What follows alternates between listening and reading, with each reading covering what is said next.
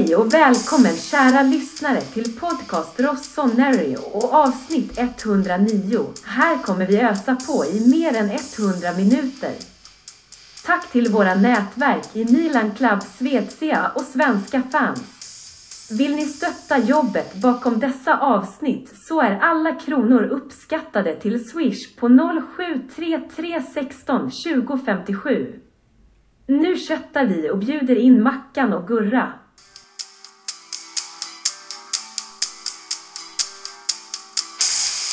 Helt nojig nu! Du vill inte trappa någon på tårna? Hur, hur kan hon vara tillsammans med dig?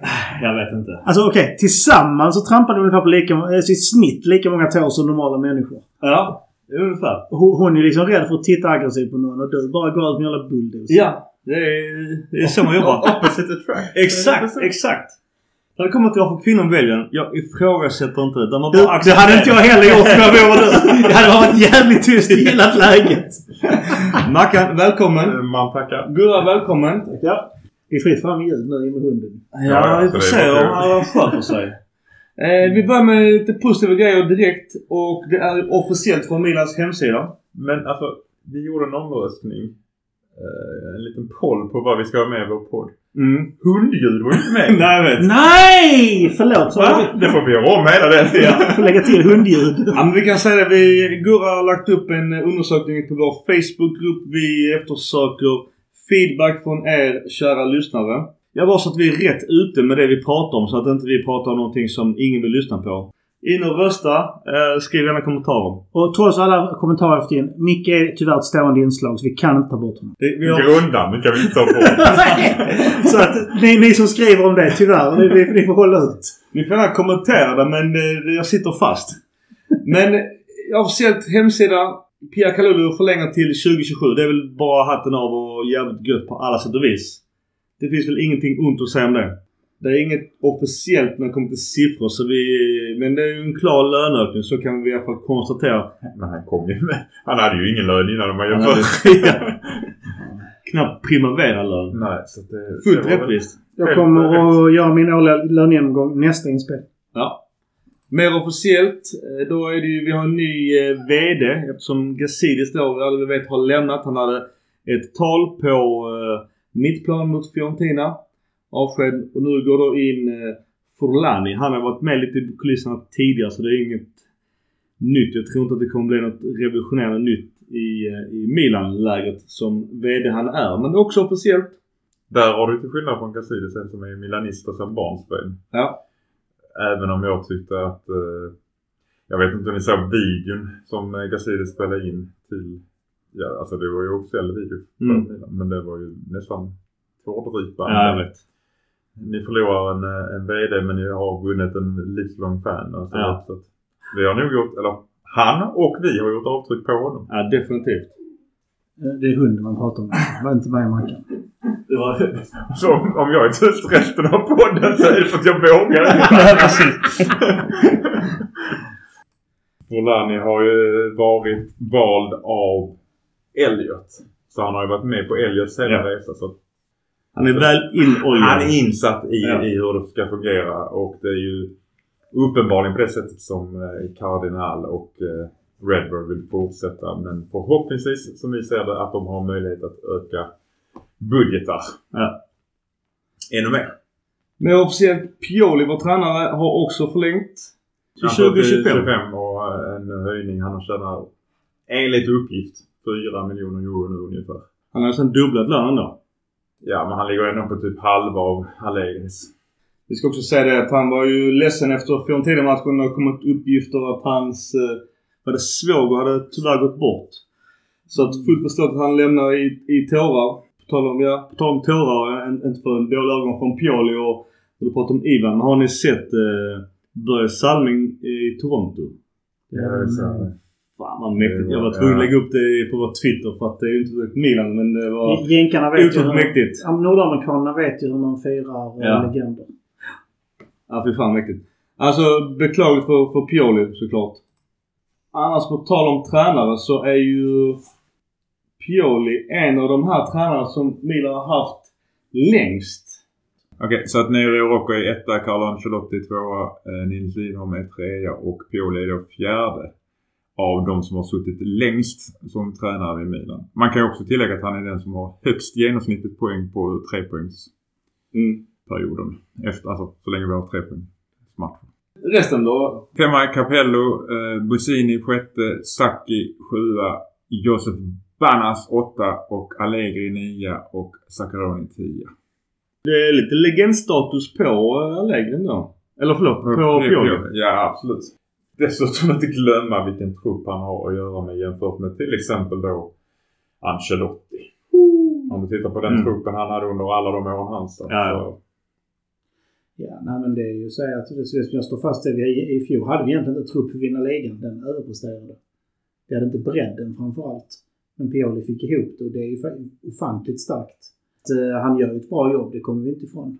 Frågan är kommer folk säga samma sak om Napoli år?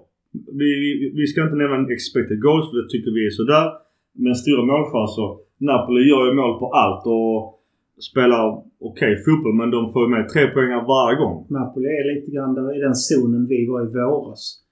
Spelade inte jättebra men gjorde mål på chanser och vann matchen. Vi, vi överpresterar nog sett till trupp. Men jag tycker inte vi överpresterar sett till våra chanser skapade.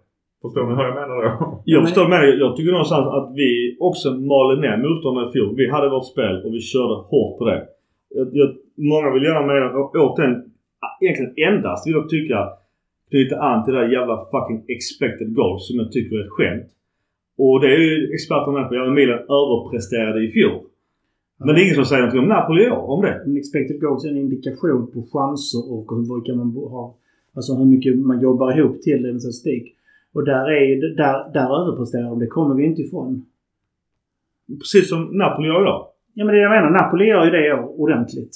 Om Men ingen som, men min poäng är det är ingen som nämner att Napoli överpresterar sett till deras... Visst, de är effektiva. Vi är ineffektiva. Och det är det som avgör. Så att säga. Och det var vi i fjol. Det tycker jag också. Jag min tycker min poäng är, jag, jag tycker att det är lite orättvist och lite så lättvindigt att säga ja, men vi överpresterade i fjol. Det var därför vi vann ligan. Jag tycker fan inte att vi vann ligan för att vi överpresterade. Vi var... Nej. Vi hade, så jag har med Gurra, det var inte en jättenamnstark trupp. Nej, men jag tycker fan inte att vi var oförtjänta av att vinna Nej, nej, ligan. nej, nej, nej, nej. Det är skillnad. Blanda, blanda inte ihop det här nu. Vi var förtjänta att vinna. Men vi hade egentligen inte truppen till det. Men vi utnyttjade vår trupp optimalt och fick med oss de resultaten som vi behövde. Det är det som hände i fjol. Inte att vi överpresterade. Utan vi, vi gjorde det rätt så att säga. Och det är, lite där, det är lite där jag ser Napoli i år. De har egentligen inte truppen och förutsättningarna men de gör exakt rätt. Och då, då tar man poängen helt enkelt. Vi kan nu prata om det en halvtimme. Vi, vi eh, har mycket att prata om så vi, jag glider vidare. Mackan ville säga någonting Jag skulle säga stundtals spelar faktiskt Napoli väldigt bra fotboll. Jag kan inte säga att de i varenda match har överpresterat utifrån Spelar- alltså i Champions League har de spelat ut Ja. nästan alla. De här ut. Liverpool fullständigt. Ja. Vad Så tycker att, ni eh, förresten om han Carpe Diem-tatuering i mittback? Får man ha det idag? Ja, vem? Deras... Deras eh, ko- koreanska... ja, Korea, han har en stor Carpe Diem över bröstet. Fånga dagen. Ja, det är ju sånt. Så det är väl lite... Alltså, jag tänker på Solsken, hur mycket man gjorde narr av det. Det är kanske inte lika pinsamt utanför Sverige som det är i Sverige. Är det pinsamt för Sverige? Ja, det är lite skör marknad över det. Men ja, skitsamma. Vi ska inte snöa in på det. Däremot, vi har ju ett stundande VM framför oss, eller vad kallar du det Gurra? Omotiverat långt landslagsuppehåll. Ja, det är Det är piss. fan inget VM. Nej, jag, jag, VM är på sommaren. Till en början. Håller med. Men vi har däremot sju spelare i vår trupp eh, som ska spela detta här, vad man nu kallar det. Och det ger ju lite pengar. Det är ju Serginho Dest och han lär ju få spela med USA. Vi har Kjär som kommer få spela med Danmark. Vi har Ketteland som nog kommer få göra inhopp för Belgien. Det viktiga för honom är att han kommer få högkvalitativ träning. Det, kan vara en bra boost för honom tror jag. Mm. Ja, Balotouré som han också lär få spela. Han är ordinarie. Eh, Leao kommer förhoppningsvis få spela. Giroud kommer nog eh, vara första inhoppare. Och Theo Hernandez eh, har vi tur så får han spela mycket också. Eller otur för oss men... Mm. Så vi har ju spelare som kommer göra mycket matcher. Vågar vi tippa vinnare? I vadå? Den där landslagsturneringen? ja. Eh, Som sagt, normalt VM så ser jag alla 64 matcherna. Jag missar inte en minut. Jag kommer inte se en match det här, det här året. Inte ens när det var så. VM-final Argentina-Brasilien. Nej. Nej? Alltså jag tycker det är hemskt att länder åker dit. Det, det kommer fram så mycket grejer hela tiden som borde diskvalificera dem. Och, och, och vi bara tittar på liksom att eh, mänskliga rättigheter, hur många som dog. Att de måste köpa supportrar för att komma dit. Slavarbete när de bygger det. Att homosexuella inte ens får lov att boka hotellrum på de officiella VM-hotellen. Du har eh, en, eh, en ansvarig, ambassadören för hela det här eh, spektaklet, berättar för, för, eh, för tidningarna att han tycker homosexualitet är en sjukdom. Tycker vad du vill. Men det är, det är väl inte de värderingarna som Fifa står för. När till och med ärkekorrupta Sepp Blatter Ja, jag läste det. går ut och säger att det var misstag att ge VM till Qatar. Ja. Det betyder att han inte fick så mycket pengar som han ville ha. Precis. Det var det han fick, men han känner att det är safe nu att säga det. Ja. Så här, eh, jag kan hålla med dig eh, Gustav. Eh, däremot kan man vända på alltihop och tänka ja allt det här hade inte kommit upp till ytan på samma sätt och fått lika mycket publicitet om man inte hade lagt det. Mm. Så det, alltså det finns två skolor. De som säger att man ska inte lägga eh, stora idrotts, eh, idrottsturneringar, eh, tävlingar i, i länder som är icke-demokratiska. Och så finns det de som menar att det gynnar demokratin. Men poängen är att redan när det kommer fram att man använder slavarbetare för att bygga, att folk dör på löpande band och att de officiellt går ut Jag och går med emot för det. Jag Det det jag menar. dig. Där- Där borde det bara lyfts ifrån. Jag har inget emot om man, alltså, en landskamp. Åka dit, spela en landskamp och åka tillbaka. Men allt det som har krävts runt det här. Hur många har dött? Det är ju Ja. ingen som egentligen vet. Där, och alla, de får ju inte sina pass heller. Mm. Och jag läste också nu senast, eh, nu drog du väl en massa sjuka exempel som tyvärr är fakta. Men läste nu senast att de skulle finnas, fan läste jag, 2000 kameror på alla arenor som bara filmar publiken. Mm. Skulle vara någon som till exempel tar upp en, en prideflagga som är ju, visst det kanske är provocerande för vissa. Eh, för oss normala i västvärlden så är det, som en, är det en axelryckning. Bara så ja det är en flagga, kul. Mm. Men skulle ha den flaggan på en av arenorna i Qatar. Mm. Eh, jag vågar inte spekulera vad som skulle kunna hända med den personen som viftar den flaggan. Dricker du alkohol i närhet, alltså um, utanför typ ditt hotellrum så uh, kan du bli arresterad. Hur, och bli hemskickad. Det var hur mycket sånt som helst. Ja, och de, de hävdar ju i någon bizarr uh, förklaring att nej, nej, men vi, vi, vi stoppar era pridevisningar för att uh, ni inte ska bli anfallna av andra åskådare. Det, det hela är sjukt. Ja. Alltså jag, jag började med vända emot det när man ska lägga ett VM i november. Hur mycket spelare kommer vi ha skadade i februari, mars? När man Eh. klämmer in det här mitt i. Och det matchande som kommer att bli efter nyår. Alltså det kommer att vara tre matcher i veckan i, i alla toppserierna. Ja, och det kommer att slita järnet. Mhm. Hyr in fans för att de ska... Mot, motprestationer att de ska skriva goda, goda, goda betyg på vissa sidor. En spelare som inte kom med i England, Tomori. Åsikter om det? Är det skönt för oss? Det är, det är konstigt att han inte kom med. Han är fortfarande en av Englands bästa mittbackar. Men eh, vi, vi kan nu tacka och ta emot att han får den här vilan tror jag. Mm. Men för Milan är det jättepositivt. För honom är det naturligtvis jättetrist. Problemet är Southgate är ju helt fast vid Maguire Stones. Så att ska du peta någon av de två så, ja. Det är svårt. Åsikter om Makan Tomori utanför? Jag tycker också att han eh, definitivt platsar i, i Englands trupp. Sen har han inte varit lika bra denna säsongen som han var i fjol. Mm. Men det, det är absolut tillräckligt bra för att vara med, med i truppen. Så det har ju kommit uppgifter att han har gjort bäst, eh, tack, bäst tack, mest tacklingar av alla engelska backar. Mm. Successful får vi väl säga. Mm. också. Alltså inte bara tacklingar. Nej, nej. Då kan Maguire topp. Sen kan, eh, kan man väl säga att jag tyckte till exempel att vi kom undan med lite... eh, Hur kunde det inte bli straff mot Fiorentina? Vi ska ta den sen. Ja, vi ska ta den absolut sen. Det Men det man ska komma ihåg med Tomori, han är fortfarande troligtvis vår bästa mittback. Men, och han gör hur mycket bra som helst. Skillnaden i år mot i fjol är att han inte är felfri längre. Han gör även missar ibland. Mm. Det gjorde han ju inte i fjol. Just på tal om Fiorentina räddar ju också en på mållinjen. Så Ja, att absolut. 1-1 Det- typ. Jag kan, vad jag tycker är att han pressar nä, nästan för intensivt. Mm. Jag tror han har det som direktiv från Pioli. Att han ska vara den som stöter och pressar. Ja, jag, För han är ju köper det, snabb men som- detta är lite... Jo, visst är det ofta om han blir av, avspelad där. Så hinner han ofta ikapp Mm. för att han är så snabb. Men vi lär våra nioåringar som jag tränar att du ska inte pressa så intensivt. För att dribblar han dig så står han ensam med, med målvakten. Eh, vi ska inte fastna för mycket utan som sagt det är ju någonstans som fördelar till oss. Så jag, håller, en- jag hoppas ju Southgate att det blir faktiskt piss för honom för att han har... Ur ett ekonomiskt perspektiv hade det varit bra för Milan Ja. när han spelar Mm. i Englands landslag. Ja, om, om vi ska sälja honom. Ja, alltså Men jag tycker bara där det... har vi ju inte... Det ska vi ju inte. Nej, jag tycker bara det är jättebra att... eh, eh, för Milan skulle det jättebra att han inte är med, men för trist för honom. Vi eh, vänder blad.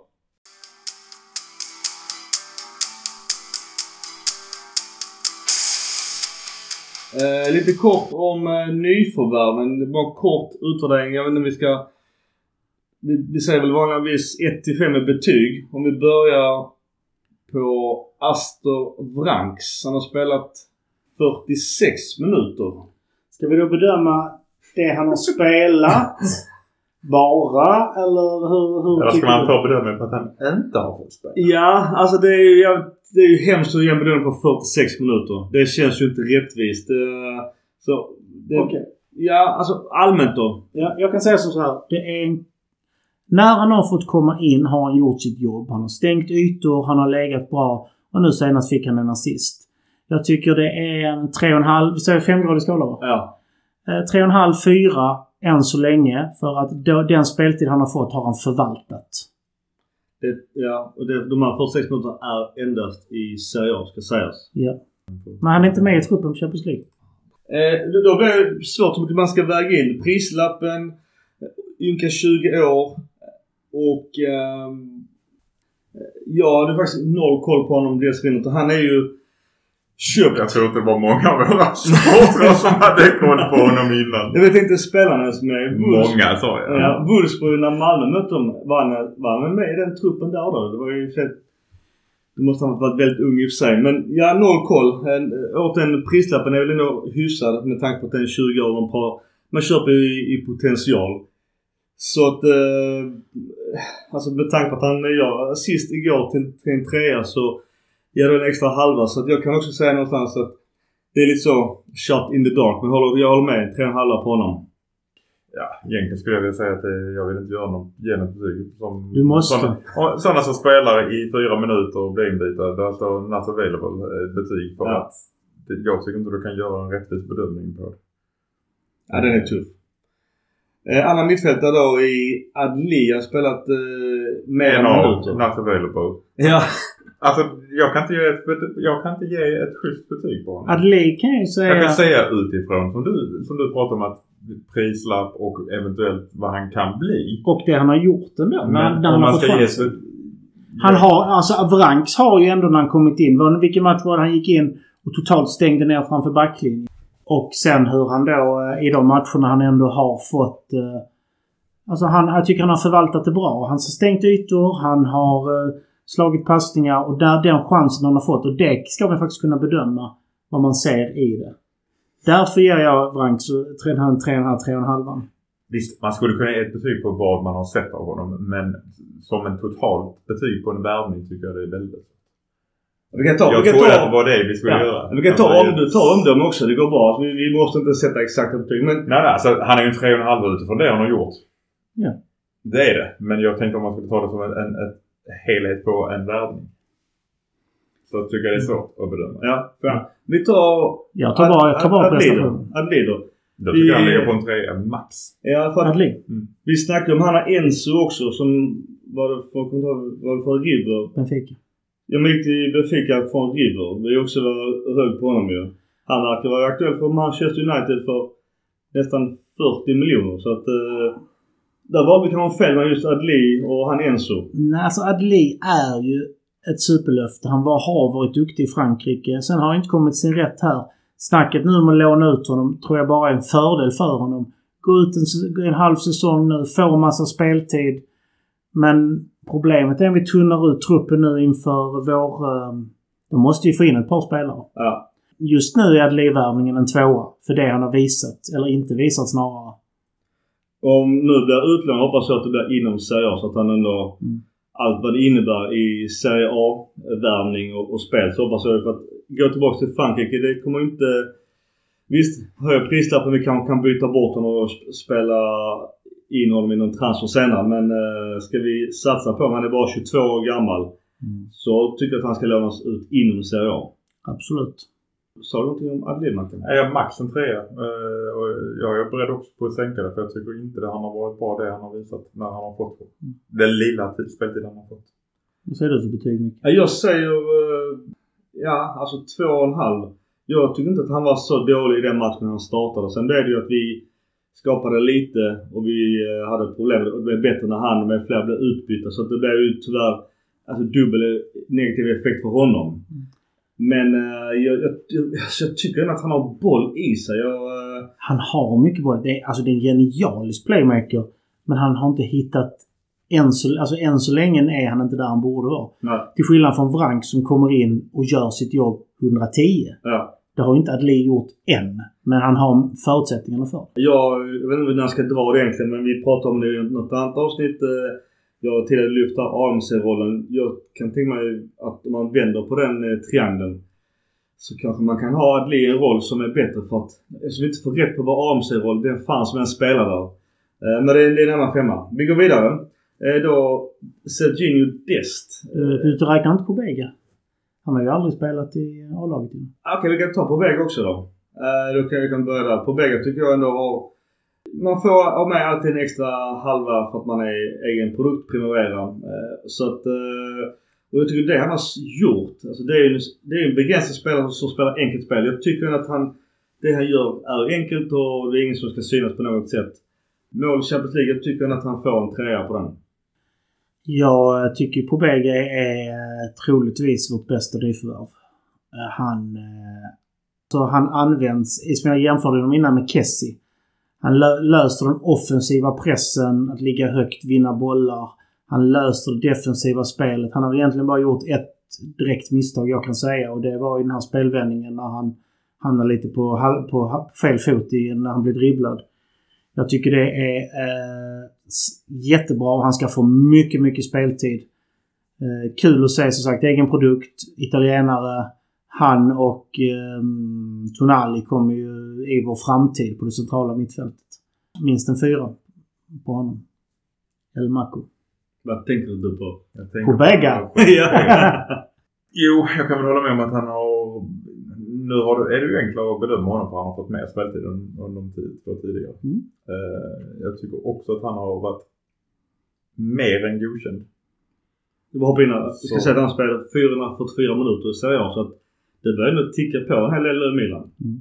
Så jag skulle ge honom ett betyg på 3,8. Ja, snyggt. Du körde din halva där. Då har vi Divock. Nej. Ingo Dest hoppar vi över nu. Jo, ja förlåt. Dest. Körde du det på Mackan? Jag förstår att det är jobbigt det här med ordningen.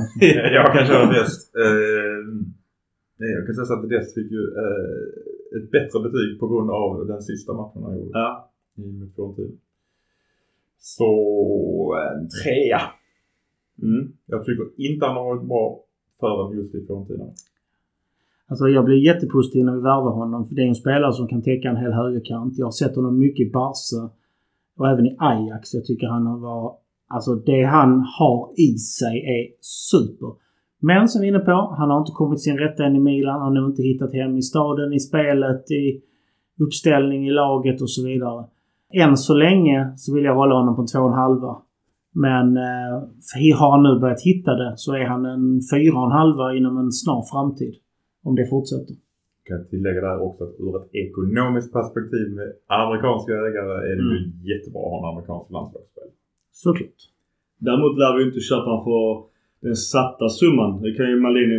Det gör vi väl aldrig. Nej jag vet. Det, det trollar Malini bort med lite ninja-moves. Han har spelat 187 minuter nu.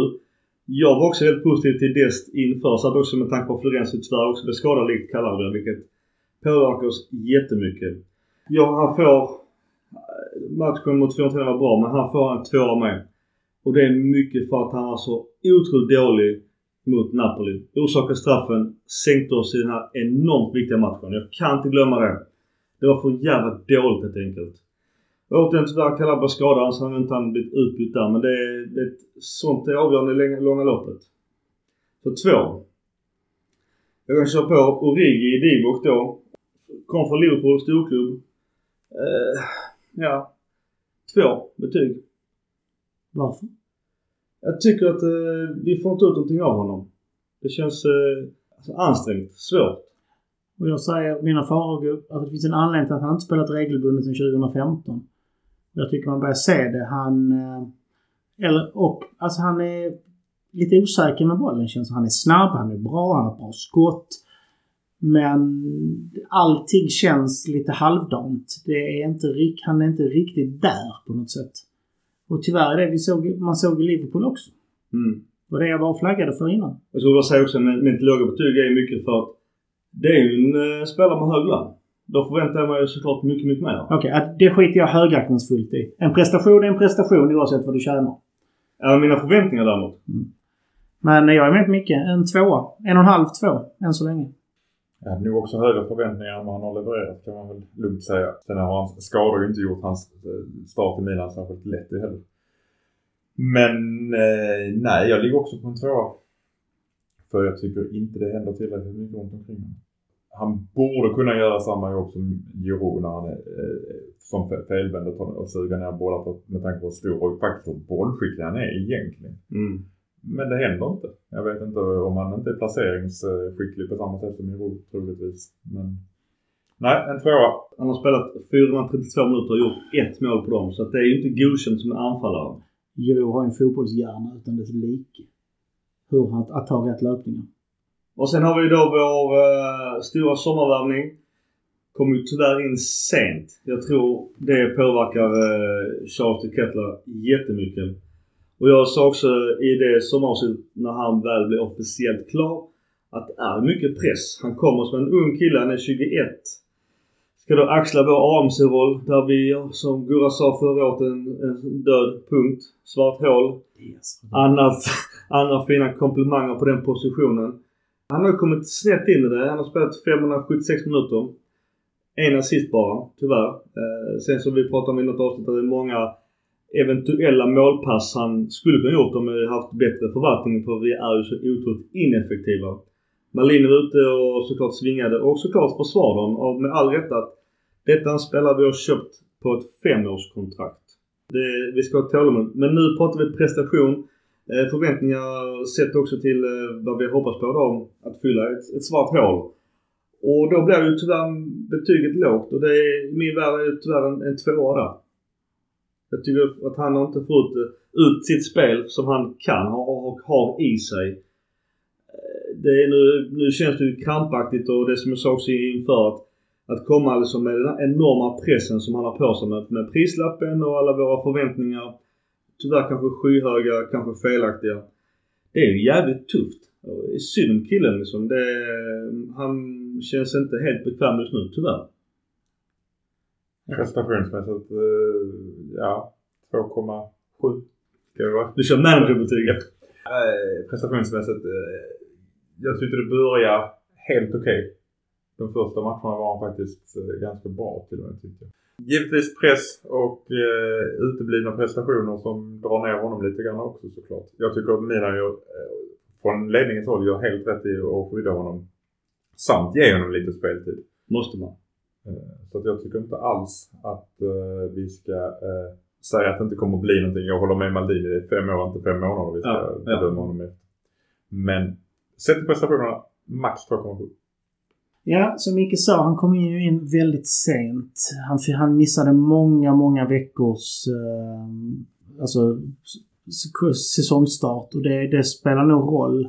Återigen, varför ska alla spelare värvas så förbaskat sent för det ska bråkas om ett par miljoner till höger och vänster? Vi pratar om mångmiljardklubbar. Men det är en helt annan diskussion. Jag tyckte han inledde jättestarkt. Han hade kunnat ha, jag tror det är fem, alltså han har fem key passes som skulle kunna bli mål. Hade han haft fem assist nu så hade han haft ett helt annat självförtroende. Och eh, fem poäng. Alla hade tyckt det var en supervärvning. Men vi kan jämföra honom, det har gjorts förr. Han kan jämföra väldigt mycket med Tonali-värvningen. Tonali, det var också krampaktigt. Det snackades också vad fasken har vi värvat. Eh, men jag tycker han kommer in bra i det. Sen så har det naturligtvis märks det ju att han, han får mycket kritik. Han är väl, han är, han är nog inte... Han är ju 21 bast liksom. Han bor ju säkert på sociala medier och ser på nyheter och liknande och sportnyheter. Han, han missar ju inte kritiken och är det 21 år kan det vara tufft. Han behöver nog ett år. Men fortsätt mata på honom. Sätt honom och Giroud på plan samtidigt. Se om man kan hitta honom med passningarna. Eh, så eh, bara, han, bara det börjar komma ett eller två poäng sen så tror jag det bara kan rulla loss. Han kommer vara ovärderlig i vår då vi måste ha mer rotation på spelarna. Det är nog det han coachar in. Därför tror jag att det här omotiverat långa landslagsuppehållet kommer vara bra för honom. Tänk att få träna med De Bruyne eh, i en månad liksom. Men det är ju lite jobbigt återigen till press och, och stress eh, pratade vi det officiella. Nu har man ju tanken, ja men han kanske kommer leverera år två. Tänk om det är lika krampaktigt år två. Då är det dubbel stress för honom. Jag tror det kommer släppa ännu under våren. För att vi, vi måste ha den rotationen. Ja, det kan vara att man, som vi tänkte just med Origi, bara gör sitt första mål så kanske det lossnar. Mm. Men De Kettela, jag säger det, hans första första matcher var en 3,5-4 med tanke på hur mycket chanser han skapade. Senaste tiden nu ligger han på en tvåa. Så jag ger honom faktiskt en stabil trea. Mm. Eh, för han har ändå varit där. Han har visat, han har försökt. Sen att han får en dipp, det kommer jag aldrig ifrån på den, ty den typen av spelare. Sen kan vi väl, om vi är klara med betygen på våra nyförvärv så kan man väl säga generellt sett att de senaste åren så tappar vi spets och värvar bredd. Mm. Mm. Vi har en, en spelare kvar faktiskt. Det är ju Malik Chow. Just det, förlåt. 21-årig från Schalke 04. Har spelat 124 minuter. Det var jag som räddade oss mot, var det Verona borta? Mm, ja. Som har annars har gått tyvärr skitdåligt efter våra matcher. Men eh, där gjorde han en lysande insats och nu eh, spelar han ju mot Fiorentina när han senast startade. Han var bra som högerback matchen innan där Ja, jag tycker nog att eh, Chao eh, är den som de har spelat som sagt 124 minuter. Det är alltid svårt att dividera om det. Men jag tror nog att han är den som eh, kommer att spela mera. Alltså som sagt svårt att ge tysken en betyg eller, eller halvfinnen. Men jag vill ändå ge henne en trea för att dels för sina två parader mot Verona. Och jag tycker att han har ändå alltså ett lugn i sig. Alltså jag tycker att jag ser mycket potential i honom. Ja, jag är med på det där. Det är en stor, stabil, säker mittback. Det är när han har kommit in för att göra det han ska så har han gjort det bra. Eh, de som säger att han borde varit involverad, alltså klarat av första målet mot Fiorentina. Skitsnack, de skjuter bollen på. Det är så otur. Jo men, när man läser, Flipper. jo men man läser betygen på vissa ställen och läser att han borde gjort varit bättre där. Hur ska han kunna göra det bättre? Jag tycker absolut han är en trea i alla fall för det han har fått, på den tid, speltiden han har fått. Men han har ofantlig potential, det ser man. Håller med. Trea på det han har presterat. Vi vänder blad och går in i matcherna.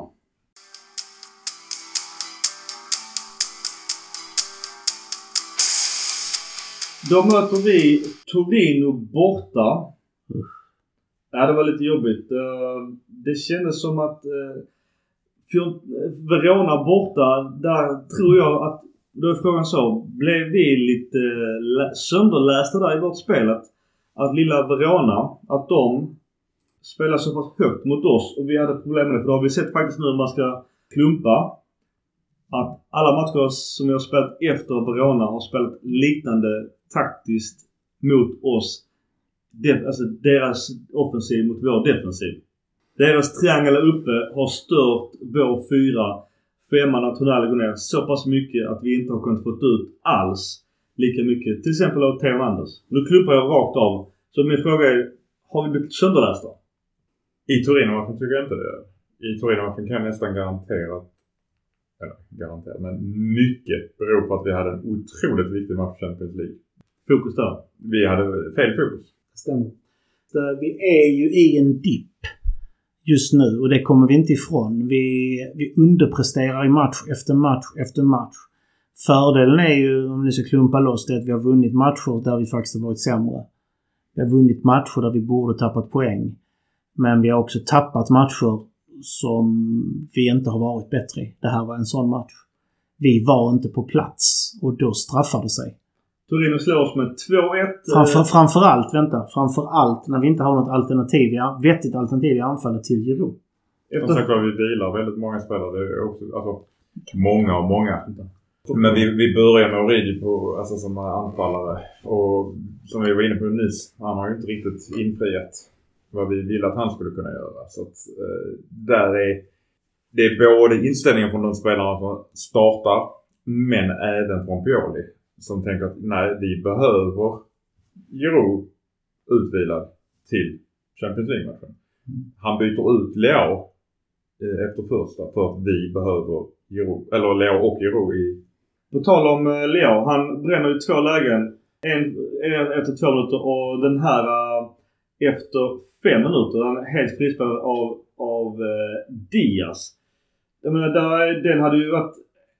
Det hade kunnat bli helt annorlunda hur matchen hade gått om vi hade fått 1-0 efter fem minuter.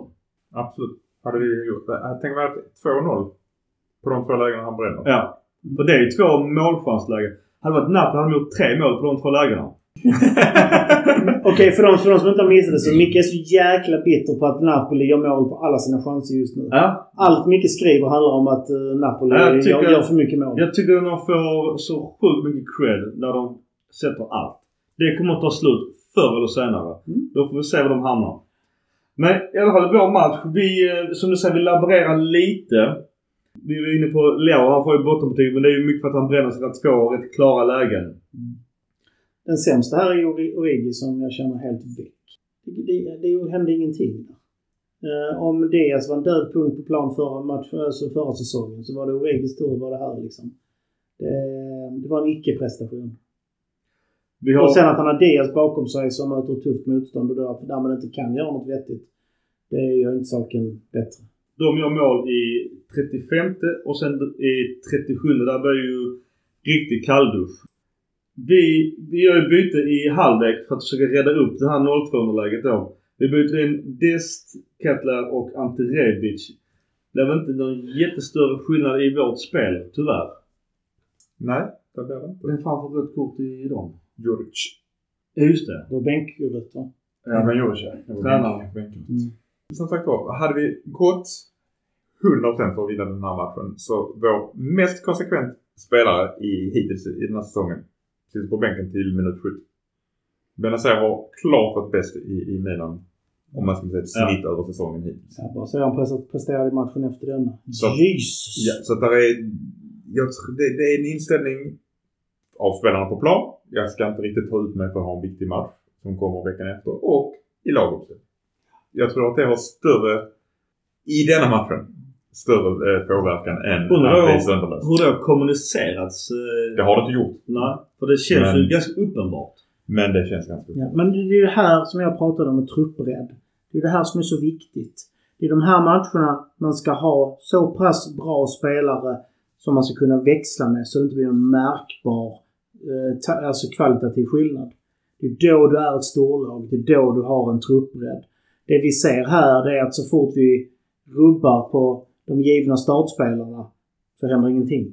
Ja, men det, jag- det var det jag var inne på innan. Precis. Vi har tappat spets och fyllt på med bredd. Mm. Detta må göra ont att säga, men vi har tappat Hackan. Som alla klagar på. För att ta in Dia som vi klagar ännu mer på.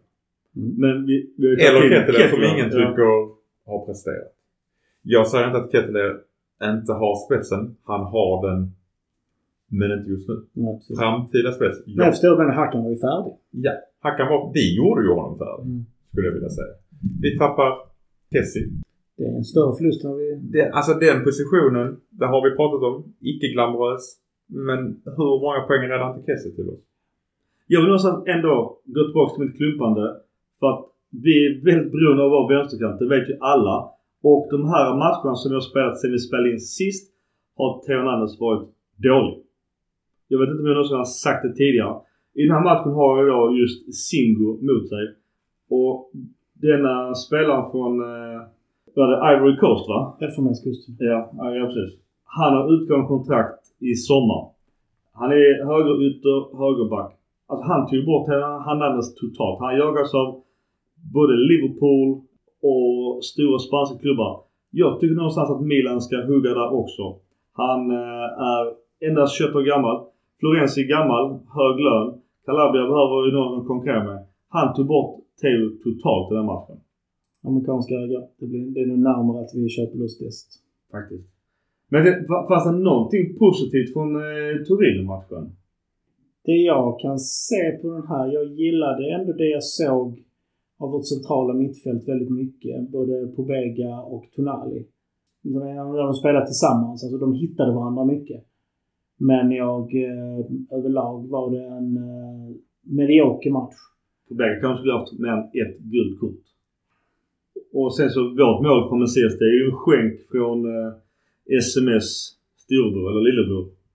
Jag vet inte vad han gör ute där halv, nästan halvplan. Eh, lämnar målet öppet. Sen så kan man diskutera om det är frispark dessförinnan. Jag vet inte om ni minns den? Jo, jag minns den. Det är Men, frågan är om inte det kanske borde vara frispark. Ja. Nej, det är det inte. Han... Eh, jag tror att han dyker. Ja, det ser ut så på vissa mm. bilder men jag tror att vi har turen. Känns 50-50. Ja. ja. Och här, det var ju här jag sa det Micke. Jag tror att hade vi inte haft VAR här så hade domaren blåst till målvaktens fördel. Nu släpper de den och sen VAR-kollar de och kommer fram till att nej, det var ingenting. Mycket möjligt. Abisso, domare, inför 26 000. Åsikter annars om eh, den prestationen? Med tanke på att jag inte lade märke till det så gjorde han ett bra jobb. Ja, jag håller med. Det är ja. kanske att just på bägge kanske haft något gult kort till kanske. Han var ganska tuff på mittplan. Det var Rambosini. Han gör, ja. han gör det han behöver. Ja. Nej, det är rätt. Det gäller att smälla på till de första, första gula. Sen får man ju såklart eh, lite mer varsam. Men han är ju, han är ju generellt sett ovård.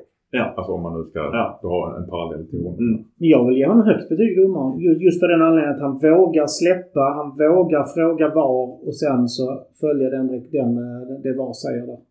Mm. Så att det faktiskt det, det är faktiskt jättebra. Synd att vi inte vinner. Men eh, jag kan garantera att det målet hade aldrig blivit godkänt utan VAR. Ja. Det är så lätt att blåsa till målvaktens fördel i de situationerna. Men detta var ett väldigt onödigt eh, poäng. Ja.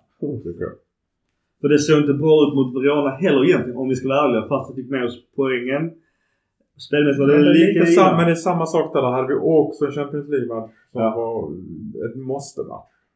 Tänk om, om Pioli hade fått en ordentlig Mercato. I tid och, och lite, lite pengar. Ja. Och jag skyller inte detta på någon annan i ledningen utan snarare på att vi hade ett väldigt konstigt ägarbyte mitt i alltihop. Ja, det påverkar ju. Det har vi mm. Ältat om hur mycket det försvårade vårt sommarfönster. När folk skrek att det var dåligt av oss. Men då får vi se om kardinalen manar upp nu i eh, januari. Han ska ju köpa loss Liverpool helt plötsligt. Pratas det Nej, i Indien verkar det som nu. Ja, men det senaste jag läste var att kardinal var, eftersom man är redan indirekt äger en del av Liverpool genom FSV så... Men jag har sett, han, han har ju gått ut innan och sagt att han vill värva en anfallare och en högerytter och det är typ vi behöver. Så jag hoppas att han är typ en Hakim Ziyech på högerkanten och ja. vi får se etablerad anfallare. Får se vårt eh, transferavsnitt. Men vi lämnar Turin och det var inte mycket hurra för där faktiskt. Och då är vi inne i den här viktiga matchen som Milan uppenbarligen prioriterade. Det var mot Salzburg. Jag kunde inte se den för då var jag och min dotter i London.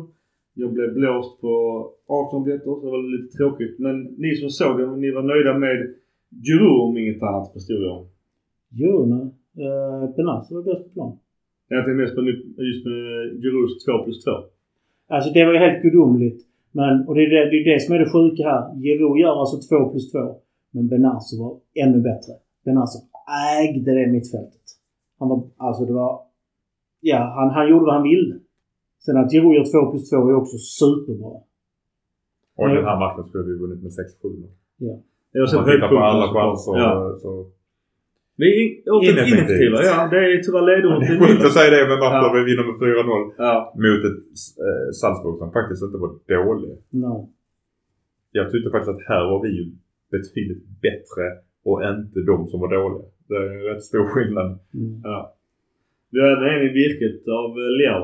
Leo och Hernandez hade i... Ja. Inför 74 292 på San Siro. Det fina pengar för att... Uh, jag, ska också säga det på tal om Champions League. Att uh, Milan Club Svezia, att det uh, finns diskussioner om att uh, få upp en resa. Nu minns jag inte exakt detaljer om det var nere i Milano eller i London. Men, Med, men I Milano, Milan, Tottenham. så uh, håll ögonen öppna för er som är intresserade att åka ner och titta på den matchen. Men och det sjuka är att vi har alltså 74 000 här och så snackades de arenor på bara 60 000. Ja. Alltså jag säger 80 minst på en ny arena. Ja. Allt annat är tjänstefel. Det mest sjuka är väl, det är väl att eh, Tata Rosano kom med i veckans lag. Ja, men han var jättebra i den matchen. Ja. Jag, jag som ändå har, jag har inte kritiserat honom, jag har sagt att han har Mike Magnon som är mycket bättre framför sig. Men i denna matchen var han jättebra. Ja. Mm. En av anledningarna till att de, eh, det var en stor anledning till att de inte fick in något. Ja, fan. Drew kommer såklart också med. Så att, eh, men det är ju en jävla fjärde hatten för eh, Tata Rosano att komma med i en veckans lag i Champions League. Ja. Och det enda anledningen till att Benazzo inte är inte med där är att han inte gör några poäng. Ja. Gör du poäng och då, då får du på goal och de här, då får du alltid massa extra eh, hög, massa jättehögre betyg. Ja, det, det är nog den bästa insats jag har sett av Benazzo. Annars, vad säger ni om, om inhopparna? Vi byter in dem med Messias på Vega. Sen Kettler och Balotouré och sen slutligen Gabia. Gör de någon skillnad i matchen eller? Men jag tyckte det var helt rätt för de behövde speltid. Mm. Eh, Vi hade våra, alltså när vi ledde med så mycket så är det klart att du ska byta ut spelare som behöver vilas. Där, det, där blev Där vi har kontroll på matchen. Ja, därför blev jag funderat att du byter ut Krunic när du kunde byta ut någon av de ordinarie spelarna. Du, hade ju, du behövde ju Tonali på plan hela matchen till exempel. Ja, du tänk, ja, ja, men jag tänker så här att här var det rätt för att tog man väl in Ketteler för att Jo, han skulle få speltid. Men du kunde byta ut Tonali, tagit in Kettel och flyttat ner Krunic. Ja, ja, absolut. Just så att Absolut. Tonali fick vila. För man vilade Benazzo, man vilade Hernandez, man vilade Leao, man vilade Kalulu när matchen var klar. Man Ja. kunde byta ut Giroud också. Agree. Det har varit eh, två namn som har florerat i Milans ryktesflöde. Det är ju Kjærgaard och Okafor. Hur eh, åsikt om dem? Gjorde de något avtryck i den här rätt tuffa matchen? Nej. Kjærgaard var väl den som visade framfötterna mest i, i denna matchen tycker jag. Har- vi hade bra koll på honom. Ja. Av en anledning för att han är duktig. Utifrån denna matchen tycker jag Kjærgaard var bättre. Vi ska säga att han är ju 19 år gammal bara så att eh, han har verkligen fram, tiden De måste framför ha sig. väldigt lågt eh, ålderssnitt i sin eh, Ja. startelva den matchen. Eh, Men detta är ju feederklubben till eh, Leipzig. Ja. Hit går de unga spelarna och sen så går de vidare till Leipzig när de är bättre. Tyvärr är det så. Eller till Dortmund om de betalar tillräckligt bra. Ja, Som en viss annan kille. ja precis. Efter matchen då, Red Bulls eh, officiella Twitterkonto, de är rätt så roliga faktiskt. Eh, jag har börjat följa deras konto. Eh, ganska spexiga. Men eh, efter matchen de gratulerar Milan till avancemanget och eh, önskar oss lycka till i resten av Champions League. Vi sa ju det redan att vi möter Tottenham. Vågar vi göra en gissning på procenten på att gå vidare från Tottenham, Contes eh, lag, den Kulusevski, vår svenska kompis om man får, då får vi utgå från att eh, båda lagen har fulla trupper. Och vi kan eh, mönstra vår starkaste elva. Mm. Ja, ja. Ja, alltså det kommer ju ner till det. Alltså, och det är det här som jag tror att kommer att vara avgörande. Du får inte många chanser mot Contes Tottenham. Nej. Så du måste vara jäkligt effektiv på de chanserna du får. Han kör Hi, ja, men hittar vi ett fel i det här resonemanget för att vi ska vinna. Vi är inte effektiva i år. Nej. För den, den av oss som är effektiva sitter just nu på läktaren. Har vi tur är han tillbaka. Då kanske vi kan bli mer effektiva. Zlatan alltså. ja. Mm. Det är intressant vad som händer med honom. Men som sagt, man får inte många chanser mot Conte. Med Zlatan 45% chans att vinna. Utan Zlatan 25-30. Så pass lågt. Ja. De har ju faktiskt ett litet januarifönster. Det skulle kunna Ja. hända grejer Ja. innan Ja. Och det får- det behöver- inte betyda att vi blir Nej. bättre eftersom det ska spelas in och det och det förutsätter att allting är som det är sen får vi komma ihåg att detta är mitt i ett matchande då vi spelar tre matcher i veckan också. Har vi trupp till att konkurrera. Ska vi kasta bort ligan för att försöka slå Tottenham? Var det därför Tottenham eh, la de sig ligacupen i England? Stort sett. Gör inte det? Nej. För de har mycket matcher i England redan som det är. Ja, ja, men då spelar de ju... Alltså det är ju u laget och alla, Ja. alla, alla icke-startspelare som spelar i de cuperna. Var det den här matchen eh, Bakayoko hade sin rosa mössa mot Salzburg hemma? Åh herregud. alltså, Zlatans min när han... jag vet inte om han tittar på den jävla stickade rosa mössan eller vad Alltså, jag, är mest, jag är mest... Vem fasen sitter bredvid Zlatan? Ja, det var inte... Jag vet att du ställde frågan på Twitter. Inget svar på den frågan. Jag. Men jag kan säga det att jag har en kompis till mig i Värmland som heter Lasse. Han, eh, han har en svägerska som stickar mössor som, och som hon tar 20 kronor styck för. Och de ser bättre ut än det Bakayoko här. Men, men i och för sig, det här, är, det här är en märkesmössa som Mackan tycker säkert den är jättesnygg och hade gärna kunnat tänka sig att köpa den för den är säkert i bra kvalitet. säkert något känt märke. Vad Alltså säger jag, du? eh, vet du vad jag gjorde? Jag go- Google fotade, alltså bildgooglade det. Ja. Och man kan hitta dem för 129 spänn. Oj! Inte Sen om den. det är exakt den, det vet man inte för det står inget märke på den. ja, den är så jävla ful. Alltså, det, det är ju... Alltså, vet Det inte. ser ut som en bebismössa. Ja, men... Eller Alltså, som tantmössa. tjejbebisar. Ja. Men jag tänkte bara, det är lite rosa också på axlarna. Hänger det med liksom? Det är nog den matchande dressen under. Rosa tröja, svart tröja med rosa linjer och så en stickad rosa Beppe-mössa ovanpå. Ja, alltså har Men shit vad han är i frysboxen på tal om Ja, det. jävlar. Stackare. Det är faktiskt lite synd om honom. Det är Men varför mobbing. gick han inte? Han vill, han vill ju lämna nu i januari. Han har gått ut med idag. Alltså, Jag läste det idag. undrar om Gattusos Valencia fortfarande är lite intresserade. För att just nu känns det som att alltså, vem som helst, det Det är en lön som är jättehög för Ja. del där. Å andra sidan har vi råd att tappa honom. För det räcker med två skador så kommer han behövas. Ja. Två slitna spelare efter det här landslagsuppehållet så Calabria tillbaks som gjorde mål och spelade som bäst mot Juventus inomhusfält. Så är ju allting möjligt på inomhusfälten. Men det spelar ingen. Alltså han, har ju... Alltså det är så mycket frysbox att... Ja, det är, det är hemskt. Om vi släpper honom måste vi få in en central mittfältare också. Ja, i alla fall. Har ni- sett bilden på hans mössa så är det fan måste. Och Zlatans reaktion.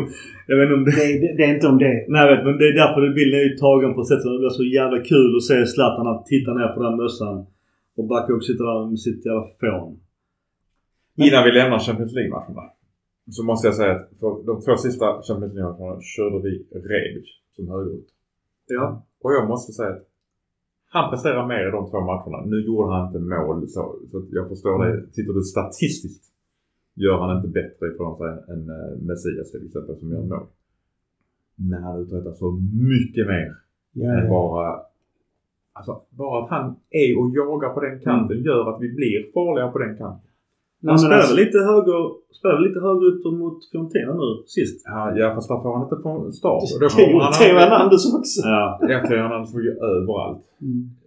Så Frustrerad. Theo är frustrerad jag med på. Han har inte varit bra de senaste fem matcherna. Och det, det syns tyvärr. Och det syns på men vårt det är spel. så här. Har Leao varit bra de senaste fem matcherna? Han har gjort något mål då och då. Men han, Ja, men har han varit bra? Nej, nej, nej. Och där, jag ser ett samspel där. För att har inte Theo Leao i form så har han ingen att spela med. Mm. Eh, nej, du har helt rätt. Uh, Rebic som högerytter kan absolut vara värt att testa. Det var ju så där han spelade när han blev utnämnd till en av våra... Men då var han ju dålig. Som är en av våra sämsta värvningar. Nej, men eh, jag tror absolut på den. Sen så ska om vi går tillbaka till Bakayoko så måste vi faktiskt säga en sak. Att hur, hur lite han än får spela. Han håller truten, han gör sitt jobb, han kämpar, han sliter på träning. Jag läste om det. Han är en av de som tränar hårdast. Att han nu går ut och säger att han gärna lämnar i januari. Det, det kändes mer som det är sån försynt begäran. Det är for, alltså han är fortfarande en professionell yrkesman ut i fingerspetsarna. Så tjänar mycket pengar. Ja, så för 4,5... eh, 4,4... Alltså vad är det? För 460 000 eh, pund i månaden har ni också hållit käft och tränat. Jag har gjort rätt mycket för de pengarna. Men vi pratar Leo såklart, vår, eh, vår stjärna i laget såklart. Eh, Maldini gav honom pris igår. Vad var det för pris, Mackan? Han fick eh, utmärkelse till CAs bästa spelare för oktober månad. Eh, jag tycker att det var något oförtjänt. Jag är benägen att hålla med. Jag blev också lite förvånad. Han har gjort fem matcher, två mål, två assist. Han skulle gjort fler mål, absolut. Det är ju jävla målsumpar får man tyvärr också säga. Men åt den, när man har spelare i Napoli som gör allting rätt så blir man ju förvånad över att inte någon från Napoli får detta priset. Ja, faktiskt.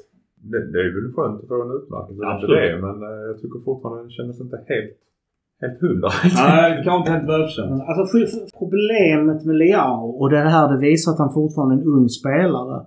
Det är att han, han gör mycket. Han gör mål, han gör poäng. Men han har så djupa dalar. En riktigt topp-toppspelare har väldigt, alltså in- inte så djupa dippar. Men han har enormt låg lägstanivå och en enormt hög högstanivå. Och det här kommer ju att krympa ihop mer och mer desto mer äldre han blir. Så, men Leao har absolut framtiden för sig. Jag har tänkt på det här. Kan det vara så här att vissa spelare, och Leo kan vara inbegripen här, och Theo Hernandez, att de kanske inte riktigt ger hundra för de vet att det kommer eh, långt landslagsuppehåll. Och de inte vill bli skadade innan. Mm. Ja, kanske. På Leo verk- jag ska inte säga att det är lojt som förr, där han varannan match kunde vara väldigt loj. Ja. Men det är inte riktigt samma klipp. tror han slänger bort ligan för att sitt egen... eh, Ja, i och för sig.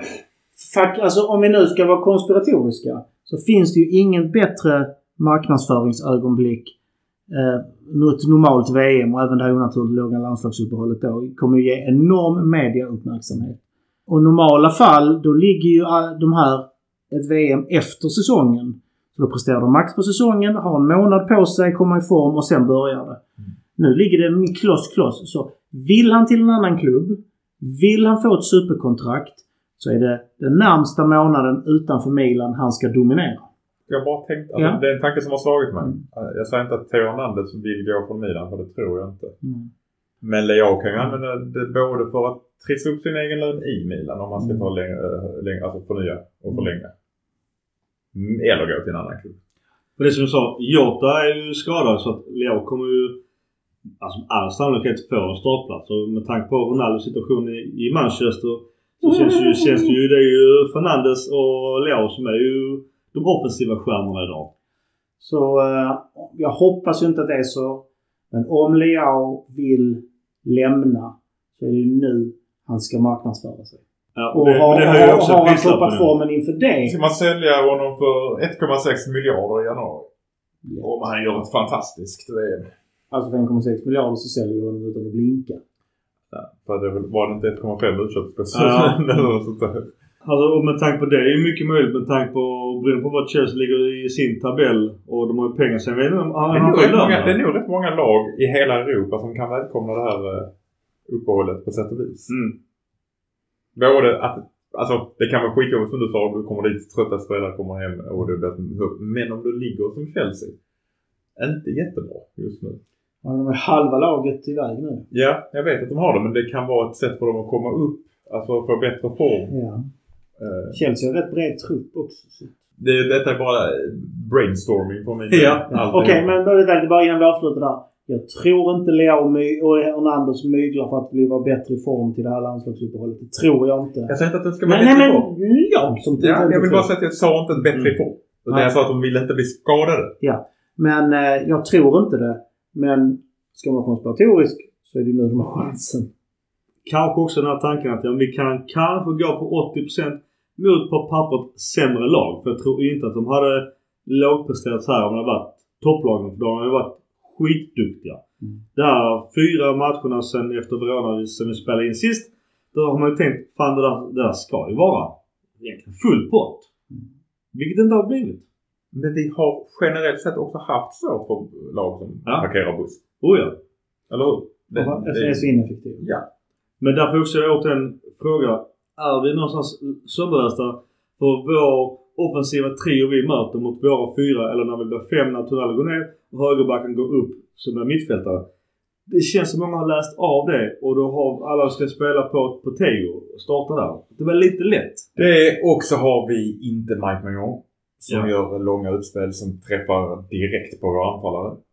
Mm. Eh, och vi har inte haft Giro alltid. Eh, för det första har han också haft lite dalande form. Förutom när han gjorde 4 plus, eller 2 plus 2. Men... Nej, jag vet Jag ska säga det, Mike kom inte med eh, landslaget på grund av sin skada. Annars är han ju... Ja, visst det blev Loris sista men sen är ju Mike etta där ju om inget konstigt händer. Nu får han vara hemma. Rehab bara komma ifrån tills vi startar. Han sparkar ju på boxbollar i alldeles för höga höjder så jag är inte helt nöjd med hans träning just nu. Du menar att du borde sköta hans rehab? Absolut inte, men jag är nervös. Jag ser han sparka på boxbollar i, på 1,90 typ. Jag tänkte här nu på, när vi kommer in på nästa match. Så Så måste jag fråga dig om du tycker Theo Hernandez har varit dålig?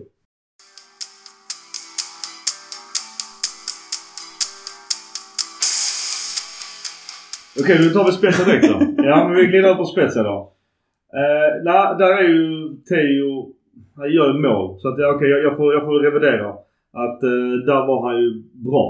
Eh, vi, däremot så kan jag tycka någonstans att vi borde haft många, många, många fler mål. Dragowski, man of the match. Ja. Varför spelar han som om han vore Buffon gånger två mot oss? Alltid. Han är Det är skadad sjukt. Han kan inte ska med i VMs, eh, Polens VM-trupp. Eventuellt skadad. Ja, synd att vi inte har någon annan målvakt än. Som typ Chesney. Jag vet fan inte om Dragowski är bättre eller bara han är bra som fan mot oss.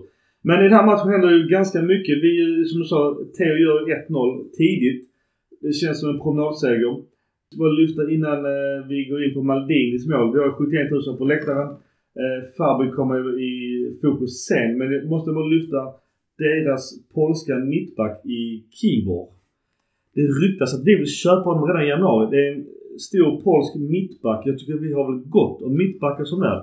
Finns det någon logik i detta eller vad är Milans tanke? Jag, jag förstår inte alls det. Har ni någon förståelse kring det här ryktet? Nej, hade jag velat ha någon. Där hade jag velat ha Ampadu. Som också redan är inspelad med Tomori lite grann från Chelsea. Eh, Men... eh, Deras andra försvarare till höger. Men eh, det, jag tycker alltid det är underhållande att så fort någon är bra mot oss så pratar de om rykten att han ska till oss. Men vad säger ni om Kivo? Nej. Inte. Nej, jag vet inte. Jag, ty- Ingen, inget jag tänkte på. Caldara var däremot bra.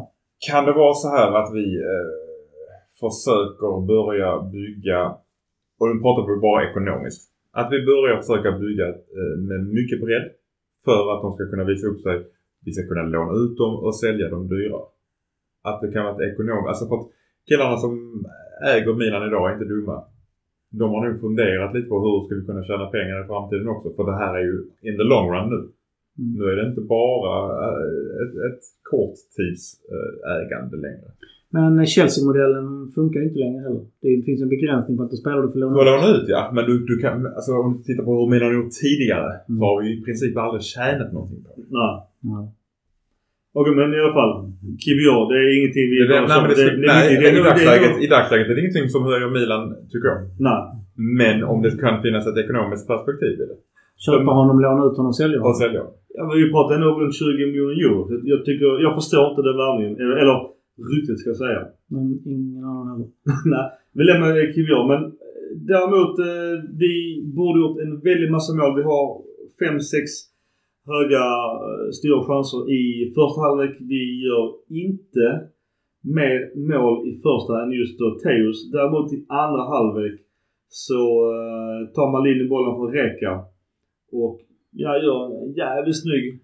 Första han håller undan både Krunic och eh, Messias tror jag att han ganska fysiskt ganska lätt håller undan. Och, Krunic är ändå en ganska tuff kille så att... Eh, Han är snabb, han har ett bra klipp i steget. Han får den där metern för att kunna dra iväg det skottet. Och det är, rätt, det är en smart grej av honom. Kul att Maldini gjorde mål, men man tvungen att göra det mot oss. Ja. Farsan har ju svårt på läktaren att se, se sin egen son göra mål. Det är, det är tuff. Det, det, det är andra gången en Maldini, eller, jo, en Maldini spelar mot Milan. Första gången var ju um, jag vet det, Cesare som spelade, när han spelade i Torino. Eh, men detta är ju första gången en Maldini gör mål mot Milan däremot. Vi kan säga det för man kommer att lyssna på kring Maldini. Han har ju spelat mer minuter redan än vad han gjorde i Milan. Han har spelat 165 minuter. Ett mål då, det är ju just mot oss. Annars, hans statistik är väl inte jättebra annars. Nej, men det är också... Har inte han också haft skadebekymmer? Jo. Jag, Jo. jag läste rätt.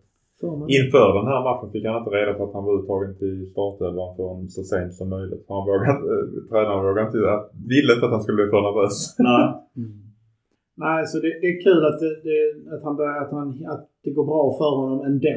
Att han alltså, han kunde låta bli att mål mot oss för att då kanske vi inte hade fått, han kanske inte vår bästa spelare behövt eh, egentligen gjort sig förtjänt av flera må- månaders böter. För när Giro gör målet i, eh, där i slutet, har ett gult kort redan och bara tänker på sig själv. Jag vet Mackan, du kommer säga att det är kul att han är glad. Absolut. Men du kan inte sabba så för laget som han gjorde där. Jag försvarar inte det. Nej. Jag, försvar, jag säger att det kan vara kul att se att en spelare av Giroux kaliber Ja. kan bli så glad vunnit att han inte tänker. Ja. Alltså ett mål mot Spezia. Men En sam- sketen novemberkväll. Men Precis. sjukt snyggt. Ja, det, det, Otroligt vackert mål det, till. det, det kan ju mycket väl vara säsongens mål liksom. Så snyggt är det. Ja, Tonalis pass är ju vansinnig också. Ja. Men eh, hur han eh, drar av den, blir avst- utvisad, avstängd matchen efter där vi får 0-0. Alltså det är... Nej. Principiellt håller jag med dig Gustav. Det är så jävla dumt att ta av sig tröjan och få gult för det. Så jävla egoistiskt. Jag vet inte ens om det är egoistiskt. Det är bara dumt. Men varför gör man den målgesten? Jag fattar inte. Vad händer med att göra flygplan? Kasta sig på gräset? Alltså de här gamla klassikerna. Det är ingen som gör Rätta, det. rätta till kragen. Ja, ingen gör det längre. Där man tar på tröjan. Fan alla, det är så jävla korkat. Jo men man har ju bara fått gult för det i eh, 25 år. Så Ja, men de, det- de har väl inte hunnit lära sig det. Lite så. Men jag vill ändå backa bandet för att eh, vi ska ta Djurs mål sen för det är så jävla snyggt. Men däremot dessförinnan, på tal om Tonalis målpass, gör han ju ett superlångskott rätt upp i krysset. Sen blir det ju VAR. Eh, och då har vi ju en tackling. Jag tror det är Tomori på vad är det, vår planhalva i omställningen dessförinnan. Eh, vad säger ni om den? Är den rätt? Fel? Man ska ju bedöma sekvensen som ledde fram till målet. Eh, domaren, eh, och, då, ska ju domarna släppa de här just för att om, om någonting händer. Och här ser de ju att eh, dom, domaren kan mycket väl ha sett denna. Där är det väl uppe på planhalvan. Han har sett, sett att tacklingen var där men det blev en spelomvändning. Då ska, de, då ska de låta situationen spela ut och sen backar de till där förseelsen var. Eh, just, just för att premiera offensivt spel. Hade det inte varit något oschysst där hade det varit ett jättesnyggt mål istället för att han skulle blåst den. För jag köper att man gör så. Att är domaren lite tveksam, släppa den och sen i så fall backa. Jag tycker också att det är rätt. Det är. Ja, det är så här Klart det är surt. Men som jag sa, vi, vi får göra ett vansinnigt snyggt mål sen i Giroud och han får ju tyvärr sitt andra gula. Uh, firar ju som han vunnit VM-guld igen. Eh, men jag, jag kan inte låta bli att inte uh, lyfta. Dels Girouds insats är ju vansinnigt. Att göra den på volley är ju så jävla fantastisk nivå. Men uh, Tonalis pass och det är också såklart mot Caldara som för kvällen har varit jävligt bra. Alltså jag vet inte hur han har spelat annars i Spezia. Men han var ju usel i fjol i Venedig. Ja, och men den här matchen mot oss. Jag förstår att han är taggad och det, det, det, för mig är det lite provocerande. Jag är fortfarande Milan-ägd. Vi betalar hans kontrakt och när då Malini gör 1-1 så firar Callara ungefär som han också han har vunnit VM-guld. Och visst, han har väl ingen känsla för Han har Milan? inga känslor för mig. Nej, jag vet. Han, har blivit utkastad med badvattnet ju. Ja men jag vet. Men det, jag kan tänka mig att han måste ju veta att det kommer ju framstå som att han är någon legoknekt. Titta på, nu ska jag inte säga så, men titta på hur Pellegrini betedde sig när han spelade för Torino mot Milan. Ja. Alla vill sätta dit oss. Som Ja. har varit det av någon anledning. Det är för att de, är, de var inte tillräckligt bra för att vara Ja. kvar helt enkelt. Ja. Ja, var ju tuff i Turin. Han gick ju på gränsen hela tiden. Ja. Och visst, förståeligt. Jag kan tycka också att han fick inte mycket speltid på den tiden han var där och sen bara bortkastad. Ja. Och sen Caldara, när all hans rehab var, var, var, var slut och sådär, då skickades han iväg ju. Så att han har ju aldrig fått några känslor för Milan. Sen han åkte ju på pungbrock och allt vad det var när han var hos oss. Jag ska också säga det på tal om vår ineffektivitet. Jag vet inte om man ska räkna eh, alla våra i virket. Det får vi kolla upp också till kanske något avsnitt. Hur många skott vi har haft i virket. För att det är ju också... Eh, nu är bitter som jag är trött gubbe. Det där hade ju, många av de här hade ju varit ribba in i för Napoli istället ju. Vi har ribba stolpe ut. Eh, Så jag, min, min poäng är att det blev ju onödigt jämnt i matchen hemma mot Spezia. Schysst bollkontroll av Hernandez. i Ja. Teos mål är vansinnigt snyggt. Och där var Tatarosano ute och härjade lite också ja. Han, han gör ju en riktigt god. Jag vet inte vad han gör på... Han, eh, han gör att han inte kan vika in mot mål utan han måste dra den lite längre ut. Ja men det är precis som att, jag vet inte om, ni, om, någon, om någon vill suga på att kolla på den där reprisen. Det är precis som att säga till våra backar. Nej det är lugnt, jag har den. Ja, ja. Och det är så, det är så Men där, men där såg vi också Tomori var ju bakom honom nästan på mållinjen. Där skulle här Ja, men det, det, man tittar på Tatarosanes kroppsspråk så är det så att det är lugnt, jag har honom. Alltså att jag har bollen. Mm. Och det är därför inte de litar på honom. För att han ger ju signaler och sagt att ja, men jag har koll. Men han har ingen koll alls. Men det är jäkligt synd att Tonalis äh, supermål inte får Ja. bli ett mål. Ja. Fy fan vilket skott. Ja, det var till och med så Zlatan på bänken blev ju imponerad. Ja. Något annat att säga just om eh, Spezia hemma. Vi kan väl säga att Fabri gjorde rätt i att döma bort vårt mål. Även om Tonali kanske gör ett av årets snyggaste mål. Origi fortfarande helt lost. Ja. Och jag säger det, om han nu ska... Ja, han kommer få chansen men sätt honom i så fall att utgå från en kant i så fall. Här, här, här byter vi ut bredd och byter in spets. När vi byter ut Messias, Origi, Diaz och tar in Rebic, Giroud och Kettler. Mm. Jag tycker att vi tar in spetsen. Mm. Ja. Jag måste Jag tycker att vi blir bättre med Kettler också i denna match. Mm. Det är också någonting jag tycker är konstigt. Vi har ju Diaz på lån. Eh, Vi pratade sist förra gången. Det kommer en nyhet att eh, det inte finns en chans för oss att behålla Diaz. Att han ska tillbaka till Madrid. Då undrar jag lite så. Varför spelar vi Diaz så mycket? Han har varit mycket bättre i år, det ska sägas, än i fjol.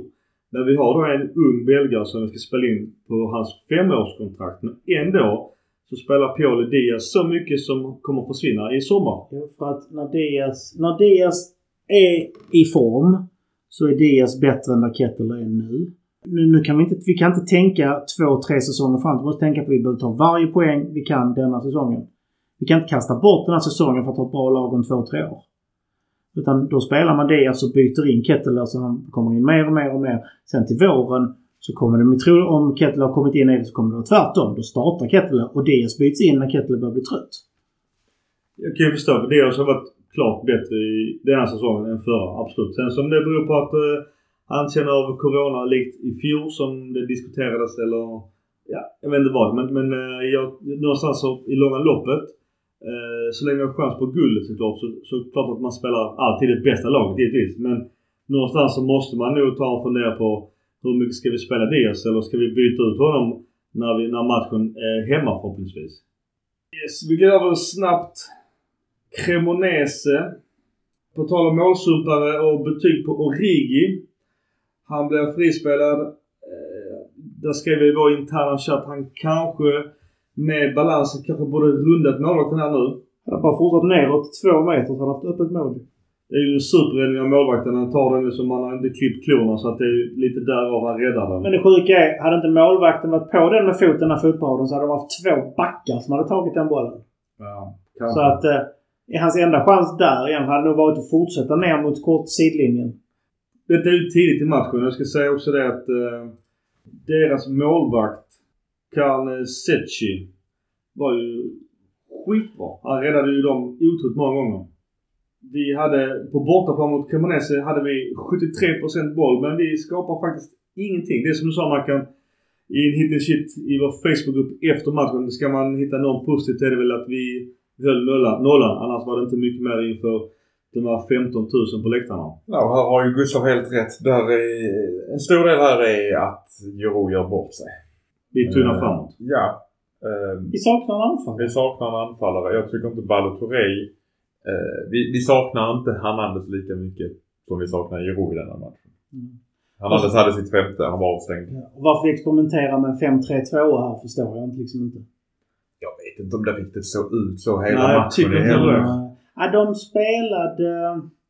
Det var någon hybrid mellan en vanlig och en 5-3-2. För ofta stod ju Tiao, Kjär och Tomori var de tre som var längst bak medan vi anföll liksom med resten. Men det fanns ju ingen där framme som skapade de där ytorna som hittade de där lägena. Jag tycker det är fel läge att börja experimentera när vi, även om vi möter ett svagt Cremonese och bara ska sopa hem det. Spela första halvlek etablerat, ha in ett par bollar. Sen kan man laborera lite. Frågan är om det beror på att vem skulle vi ha som är Rebic som vänsterytter?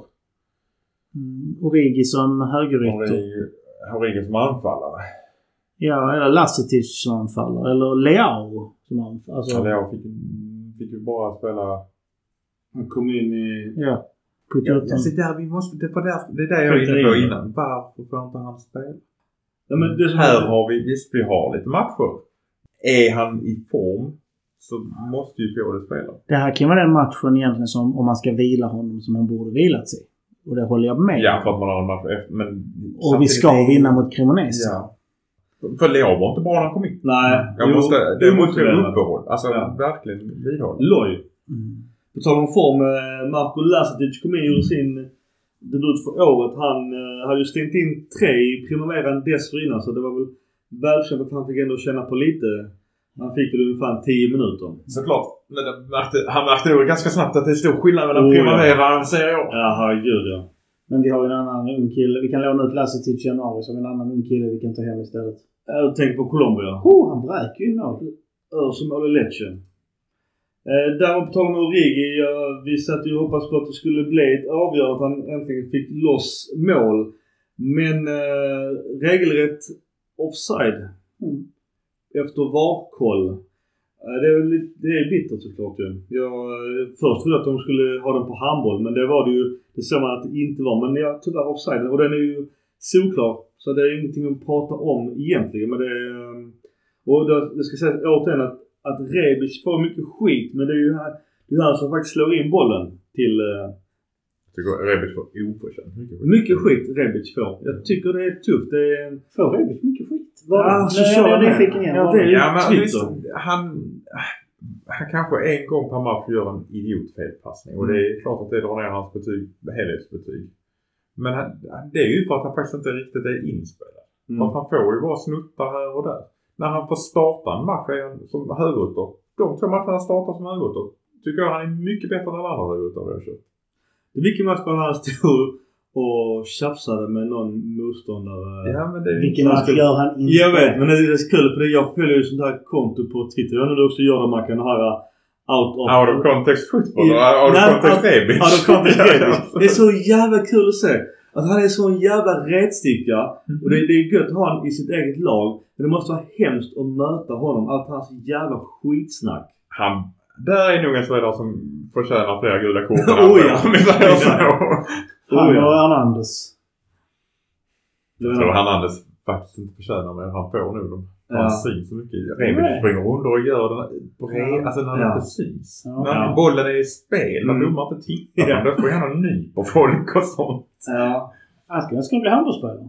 Han Ja. skjuter iväg bollar. Alltså han är, Ja. så, han är skittråkig när du får en, en frispark mot sig. Så han kan bara putta till den lite. Sånt.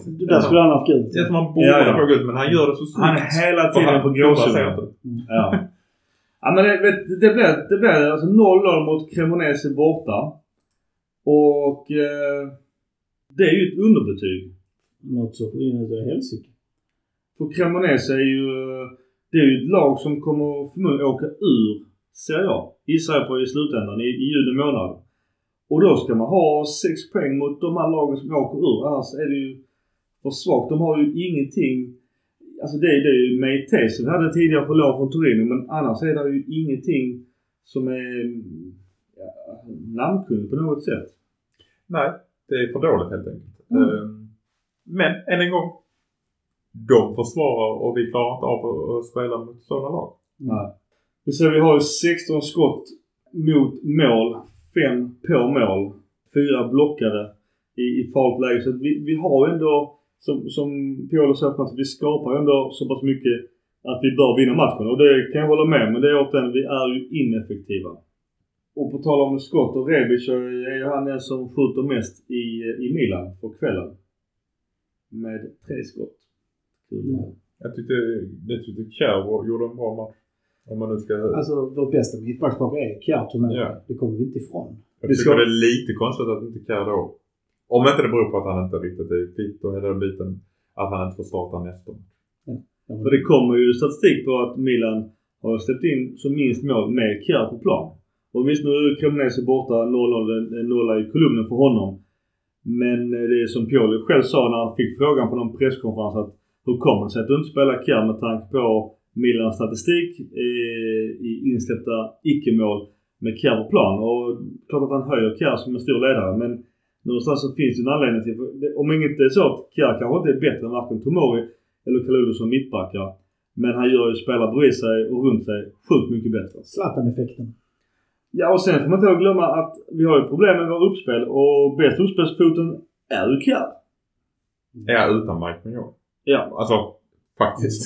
Vi måste ta bort både Mike och Kjär från uppspelsfoten. Så har vi inte det. Nej. Och det menar på återigen, då blir det lite lättläst. För då går det backar ner och sen går det via vänsterkanten. Det blir för lätt. Vi har för lite spel på mittplan egentligen. Och trots att vi har Tonelli och Benazzo som är så otroligt Ja, men det är för att det är ingen som tar emot bollen längre upp i, i banan. Där. Och då får jag så, ja, ska vi, ska vi skicka AMC och spela två anfallare? Kommer det lösa någonting? Eller ska vi spela AMC som DMC? Flytta upp Benazzo och Tonali på mittplan och ha en Kesserol bakom dem i den triangeln. Flytta triangeln. Jag tycker vi har rätt uppställning men vi utnyttjar det fel. Vår, vi har en AMC-roll just nu som handlar om att hämta bollar, inte vara en spelfördelare. Vi behöver en AMC som, som blir alltså the focal point när vi anfaller. Lite liten um, trekvartista-tanke. Vi har ett lag för det. Vi har Tonali, vi har Benazer som kan nå honom med bollar samtidigt som både anfallarna och yttrarna rör sig och de fyller med upp. Eh, vår AMC ska vara ett, alltså, en mittpunkt i en uppspelsfas och där har vi inte, för vi har inte haft en AMC som har varit det på många, många år. Och därför tror jag inte laget är vana vid det. Jag tror tanken är att Kettler ska bli den här mittpunkten i ett anfallsspel. Men spelarna runt om honom är inte riktigt där. För de är vana att lägga den på Hernandez eller Leao och sen så händer det någonting. Mm. Eh, kanske inte Giroud. Men jag ser ju, för det, det märkte vi i början när Ketteler fick mycket bollar och hade de här passningarna han la som sen tyvärr inte förvaltades. Så hände det ju någonting. Alltså ba, bara det här landslagsuppehållet nu kanske gör att eh, någonting händer. Ja, nu ska man inte gråta över spilld mjölk men en gratis Dybala i AMC-rollen istället hade kanske varit en annan femma. Du menar på sjukhuset? Ja, jag är tillbaka nu. Ja. Eller en, Balot, eller en Belotti som backar upp Giroud på topp. Han ligger inte så bra för Belotti. Nej, men jag tror han hade mer förtroende. Det var lite kul jag såg, jag läste precis det du hade där Micke. Senaste gången vi mötte Cremonese. Så eh, det var nästan, det var 1996. Vi vann med 7-1 och eh, Paolo Di Canio gjorde sitt enda mål för Milan. Det visste inte att han spelat i Milan. Eh, den 12 maj 1996 slutade matchen 7 så det, först, det första målet och det enda för Rossoneri i Serie A för Paolo Di Canio. Ja, ja, det är en speciell spelare. Mm. Men innan vi lämnar matchen kan vi tala om fun facts. Att Stefan Piolo, vår tränare, har gjort eh, ett mål i sin karriär i Serie A. Och det var just mot Cremonese 1989. Då han spelar för Fiorentina. Det har varit en tuff quizfråga. Kanske kommer. Man vet inte, man vet inte. Men vi... eh, Perfekt övergång till Fiorentina va? Ja, Är det inte det? absolut. Snyggt. Ah. Jag vill gå hem. Ja. Eh, då har vi Fiorentina hemma. Det var så sent som igår Så det en söndag. halvtimme bil. Det börjar bra. Leao, vår Mackan slutar. gör mål redan efter två minuter. Har en ny målgest. Eh, Jag har inte läst på anledningen till det men... Målgest. Jag håller på att lära min grabb att målgester är tramsigt. viktigt att, att man gör mål. Målgest är jätteviktigt. Nej. Jo, jo, jo, jo. Kort, kort efter så eh, Venuti blir eh, inbytt istället för Dodo. Han, han hänger ju på, på Leao. Jag tyckte också, om vi backar Cremonese, ofta att eh, han får tröjdragningar och fulspel mot sig. Och jag förstår att Leao till slut tröttnar för att de sliter och drar honom och han får knappt någonting. Men då, Dodo han, eh, han hängde inte med Leao och svängde ut lite efter 18. Eh, Förmodligen en sträckning när han skulle hänga med honom i löpningen. Sen så Barak eh, gör mål i 28. Det är ju... Alltså det får man säga att det är turmål. Nej, det... det, det, det. Ja, det är lite dåligt försvarsspel måste jag säga. Också ja. Men Han, får, han, får, han får iväg ett... Alltså att han, att han får ta den metern och skjuta. Det, Ja, det är där som det dåliga försvarsspelet är. Inte efter. Nej. Det tycker jag inte. För det är, men med det är ju på... synd om Tatarosano. Han hade ju tagit den om inte den hade eh, deflektat. Ja. på Tiao. Ja. Men alltså det är ju ett jäkla... Hela, hela situationen. Att, att, han får, att han får ta en meter och skjuta. Sånt händer med tanke på hur bollen studsade. Eh, vi kanske skulle fått bort den i första läget. Men att den går in, det är ju... Shit happens. Vi, vi, får, vi får igen den sen så att eh, det är 1-1 i shit happens mål liksom. Ja men jävligt oflyt. Jag tycker det är... Alltså när det studsar sådär och flipper det... kan gå hur som helst. Jag ska bara säga att då Jonathan Ikone gör ju målpassen. Han var ju riktigt bra. Det är så pass bra och det sa vi faktiskt inför säsongen att, att han kommer att vara bra för Fiorentina. Det är ju spelare som vi hade behövt på vår AMR-roll. Eh, Jag skrev på Svenska fans, ja men ge Fiorentina 10 plus kanske Selmak som har ett värde på, på 20-25. Eh, Nu lär inte de gå med på det, men det hade varit en eh, bra deal för Milan att få ikoner där. Nej, det går de inte med. De säljer bara till Juventus. ja precis. Säkerligen. Eh, Lånar ut gratis. Här. Ja precis. Ja, ja. Lö- Lös det hur ni vill. Eh, Men vi, Som breddspelare om vi gjorde oss av med både Messias och... Eller som tvåa på den positionen vi gjorde oss av med Messias och eller Salamakis. Absolut. Men han är inte en första högerytter. ikonen? För oss, nej. Nej, nej. Vi behöver högre kvalitet. Jag tycker han håller hög kvalitet. Han håller hög kvalitet för Serie A, men vi, vi ska väl ha mer än det, eller hur? Jag vet Det inte. är därför vi pratar om sånt som Ziyech som kan liksom... Som är topp, topp kvalitet. Ja men, ja alltså nu ska vi inte för dem än men ja, ja, ja, jag förstår vad du tänker. Jag eh, tycker Ikone jobbar mer än Siege, alltså i, om man sett på över 100 meter på, på flanken.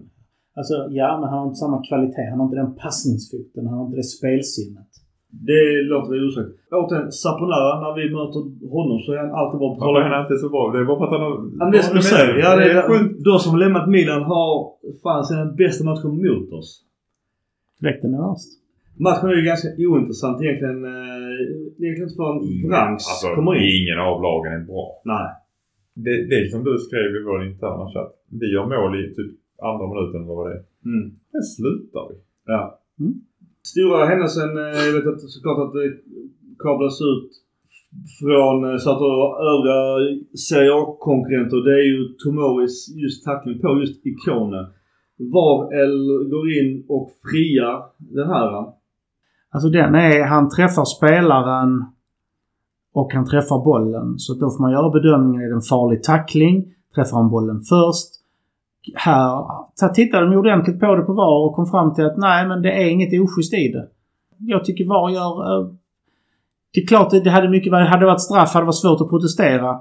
Men här sitter de med rätt mycket högre utbildning än oss och borde göra den här bedömningen. Jag, jag köper den. Jag hoppas de har bättre bilder än vad vi har. För att på bilderna vi har Mm. så ser det ut som att Rakiko spelar långt före, före boll. Nej, jag hade inte klagat om det blev straff där. Eh, sen kan jag tycka någonstans att eh, återigen, den är ju en tackling som Tomori får med sig. Om man ser på hans stat- statistik. Men ja, att, jag, vet, jag tycker nog att eh, jag hade nog inte vågat tackla där. Jag hade nog hellre försökt blocka skott och glida och hoppas på att Tata kanske hade tagit den. Har, har han lagkaptensbilden där, tror jag? Nej, det... Jo, han, han var lagkapten. har han kapten? Ja, Tomori kapten. Jättekonstigt. Och det var ju Benazer som var kapten mot eh, Ja, men de fått se. Ja, precis. Ja, han kanske går runt på det. Men det ska de inte göra så här. Så det är jättekonstigt. Men, men eh, Men oavsett, det var en tackling som räddade ett eventuellt mål och det blev inte straff. Det får vi vara glada för. Då var tacklingen perfekt. säg så mycket mer så det är, det är tacksamt. Men jag, jag, däremot jag förstår kritiken. En annan sak är dessförinnan att Biraghi har gjort eh, mål i virket. Skulle Milan någonsin sälja Hernandez så tror jag att Biraghi kanske skulle kunna ersättare till eh, Theo Hernandez. Jag tycker han eh, visade goda egenskaper i den matchen. Varje match vi har, varje match vi pratat om, är det någon spelare du, du tycker vi ska vara till Milan? Ja, det är klart. eh, på tal om just värvningar till Milan så jag hade min backup. Det var ju Milenkovic. Ja. Serben på nästan två meter. Han tyckte jag var riktigt bra som vanligt emot oss. Nu gör, blev det att han... Han gör ju mål, mål för oss. ja, precis. Men det är Frank som lägger in va? Branks gör och det är ju faktiskt eh, vår kompis Rebic som eh, tar första luftduellen. Och sen ska vi faktiskt väga in det att det är Origis press va? Som gör att, han, att Milenkovic inte, inte riktigt får undan den. Över målet där. Ja precis. Så att, att han är där och uh, sätter den pressen gör ju att uh, det blir mål. För hade han uh, inte fullföljt så hade han kunnat få undan Milenkovic. Ja, Jag tror också att det betyder mycket för Branks då. Men, men det, alltså, målet, målet hänger ju i tvätt. Han behöver ju inte gå ut och täcka den på mot Rebic. Jag förstår inte riktigt målvakten där. Han, han ger oss ju de tre poängen på övertid och det är ju jätteviktigt för att annars hade vi haft 10 poäng bakom Napoli. Och då är frågan Nu är det ju inte tack vare men då hade nog många gett upp det här Serie A-guldet och de här två stjärnorna i juni. Det är långt fram. Det är långt kvar på säsongen. Är det? Oj. Vi var vintermästare för två år sedan, det kommer du ihåg va? Och vem var vintermästare i fjol vi var? Inte. Inte. Ja. Så att, ah, det är gott att styra på det där. Ja. Är vi tvåa inför vinterpålet vinner vi. Precis. Vi. Två år på raken. Vi har återigen över 70 000 på läktaren. Fina pengar. Jag ska bara så säga det att, att uh, Fiorentina värvade inför Jovic från Real Madrid. Det snackas på Twitter i alla fall, eh, kanske bland svenska experter som vanligt, att han nog skulle kunna göra 30 baljor i Serie. Eh, Jag såg ingenting ens nära ja, en tiondel nästan. Alltså det är en jättebra spelare men han har inte hittat rätt. Det är Nej. bara att inse. Han var så bäst när han fick spela med Rebic. Frankfurt. Vi kanske skulle värvat honom istället. Ja. Det var snack om det ett tag. Ja. Mm. Eh, Men det var så att det var en rätt så hög lön från den där dealen de har fått till Real Madrid. Det är ju intressant. Mm. Real betalar hela hans lön. Jag med. Ja, Enligt rykten. i, i, lån då eller? De lånat honom. Ja. Ja, och då är det för att, jo men vissa, vissa av de här monsterklubbarna gör ju det. Okej, vi kan inte ge honom speltiden så att han kan utvecklas. Här. Vi står för lönen om ni ger honom speltid. Och då har de säkert ett avtal om minsta, minsta mängd speltid och sådär också. Som sagt. Milan, det var ryktades att han skulle till Milan. Ja, men där det fanns minns en jag. lönegrej som Milan inte var så sugna på. Ja.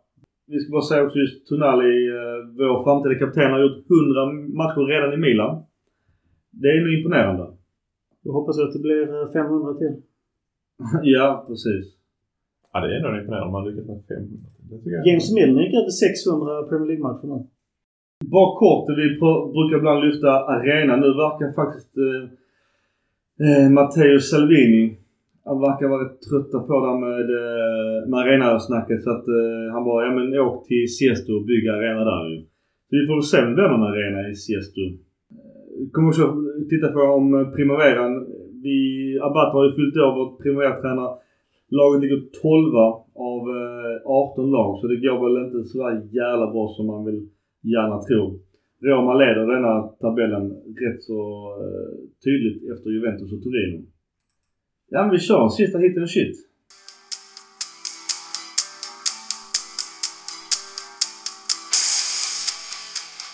Hit and shit, sista delen. Eh, shiten är ju jag, som ni sagt har märkt, min egen röda linje. Att eh, jag tycker att vi är, eller kanske blivit lätta att läsa. Jag ska inte säga sönderlästa eftersom vi fortfarande tar våra poäng och är ju tvåa i tabellen. Men jag- och det kan ju mycket väl vara så här. Alltså vi pratar kort om att eh, vi saknar Chers passningsfot. Vi pratar att vi saknar Mikes passningsfot. Hernandez var kapten. Och eh, Ja det var Men Tomori hade lagat den spinnen där. Nej, såg vi tacklingen. Jag vet inte varför. okej, jag vet inte varför det Mm. stod där.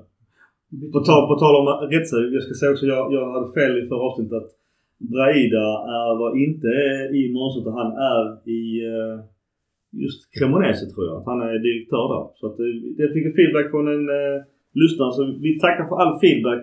Rätt ska vara rätt och fakta ska vara rätt. Eh, jag vill prata om min hit, eh, eller var det shit jag pratade om? Nu rör jag till det.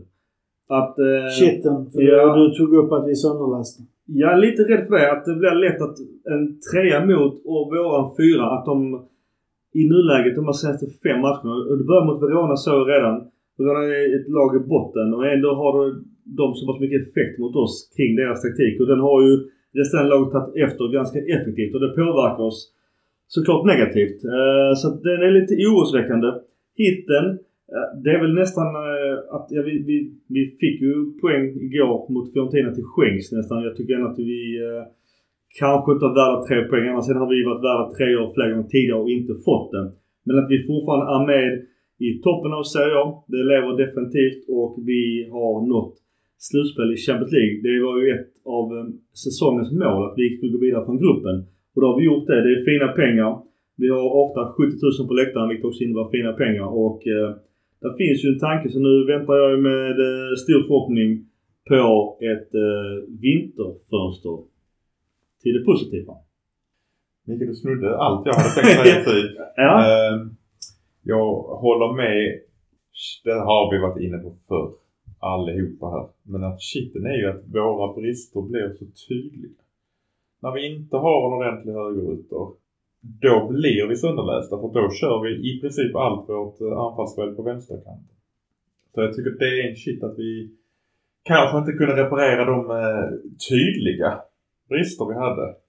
Ehm, och, och hitten är väl egentligen att sett till i fjol har vi bara två poäng mindre vid denna matchdag.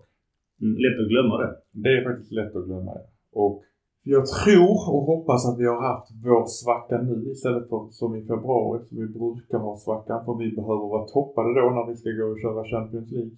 Jag kan generellt sett skulle jag kunna acceptera att vi inte vinner om det betyder att vi går vidare i Champions League. Hänger inte med? Att vi inte vinner ligan Ja. och hellre går vidare i Champions League för att utvecklas som lag. Ja. Alltså, men du, Givetvis ska vi vara i topp fyra i, i, i Serie A. ja, ja, men det är en förutsättning. Det, Men du menar att, du, att du, du... jag kan köpa det, jag säger inte att jag vill Nej. det. Men jag kan, Men tar du hellre en kvartsfinal i Champions League eller semi eller ligavinst? Ja, alltså... Alltså, eh, hellre en kvartsfinal i Champions League än en, en ligavinst? Ja. Eh, Om jag får välja nej? Ja, Du får välja vad du vill. Då säger jag nej. Men jag skulle säga att jag kan köpa det. Ja. För att vi har, jag tycker inte vi har truppen till att kunna slåss på båda fronterna. ja. Det har vi inte. Och kan vi gå, kan vi då inte, om vi redan ligger så långt efter Napoli. Då ser jag hellre att vi satsar lite och går vidare där. För att du, då, du har pengar, du har grejer som gör att vi kommer att vara bättre nästa säsong. Jag håller inte med. Ligan är alltid viktigast. Ja men jag, alltid jag säger att om vi i det tillfället då ser att okej vi kommer inte hinna ifatt Napoli. Mm. Mm. Nej, jag förstår vad du tänker. Mm. Hade det inte blivit en trea igår och vi har 10 poäng bakom plus målskillnaden ska också sägas och eventuellt interna möten mot Napoli. Då kan jag förstå att man fuck detta. Vi lägger krutet på Champions League men så länge vi håller oss flytande på Eller topp fjärde fyra. Ja. Absolut. Det är jätteviktigt. Det blir tvåa eller fyra är skitsamma. Gurra, sista ordet. Hitten är ju att vi, eh, vi skrapar ihop segrar i alltså fastän jag inte tycker att vi är det bättre laget. Och det är ju ett styrkebesked. Eh, vi, eh, vi har en bra trupp. Vi har vissa spelare som börjar lyfta sig nu igen som Dest och så vidare. Supershitten är ju Jiros tjänstefel. Alltså den är helt oförlåtlig. Och, det, och det, jag kan säga att det är alltså, som vi var inne på innan, det är därför vi har, har två poäng till efter Napoli eftersom vi inte vann mot Cremonese. Han får avgöra Napoli helt enkelt. Ja, men det är så enkelt. Vi hade vunnit mot Cremonese med Europaplan. Sen har jag en bonushit också. Ja. Efter det här landslagsuppehållet så finns det en viss svensk som troligtvis eh, är med och tränar igen. Tror du det? Det är det som senaste... Det, Från en vilken nivå? Det är det. Har han en, en, Nej, en låg nivå? Men bara att ha med honom på träningen Ja, ja. Oh, ja. kommer ju ge enormt mycket. Och det, det är kanske där vi börjar hitta tillbaks vårt självförtroende. Byt Mm. in honom i fem minuter i slutet. Ja, eller ha den där i omklädningsrummet. Det som jag sa i något avsnitt, just vinningen med att ha kvar Zlatan är ju enorm och så drog jag en fem minuters radda om anledningen till varför vi vill ha kvar honom. Och som sagt, det är inte kört för att vi ligger de här poängen efter Napoli. Det är en väldigt lång säsong kvar. Och januari, februari, mars kommer att vara sjukt matchande. Så jag hoppas nu att eh, vi får två, tre nyförvärv i januari. Och ganska gärna tidigt i januari. 31 januari, då har vi tappat 10 matcher. Mm. Det behövs komma in första fem dagarna i januari. De, de här värvningarna ska redan nu egentligen vara klara. Tyvärr jobbar ju inte Maldini på det viset. Så kanske gör det egentligen men det, det ska Ja men det tror jag de gör. Titta på... Mm. Det var det det fanns inte pengar till i somras. Titta på Ja. Magnon-värvningen. Den var klar innan de de hade gått. ja, så jävla gött. Men då hoppas vi att eh, det görs nu då. Yes! Vi ska ta vår transfersnack i, i nästa avsnitt. Eh, Jag avslutar med en... eh, Vi gillar rekommendationer från våra lyssnare. Den här är från vår vän i Falk. Sjukt bra låt. Jag kör den som outro denna gång istället för den andra fina. Men det är mycket fina Milan-låtar som eh, spelas här. Fantastisk också.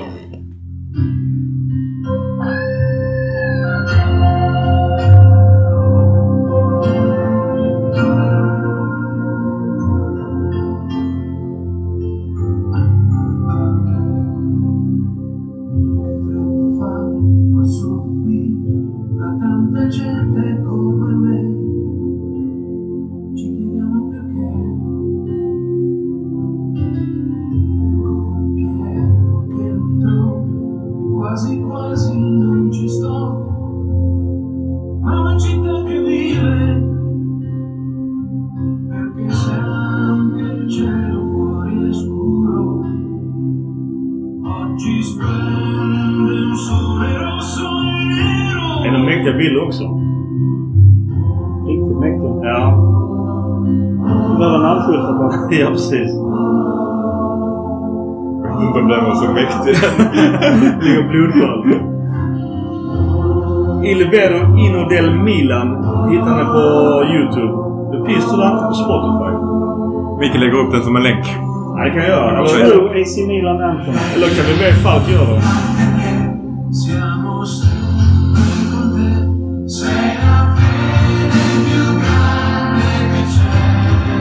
Att vi kan säga vad vi vill utan att vi kan klippa.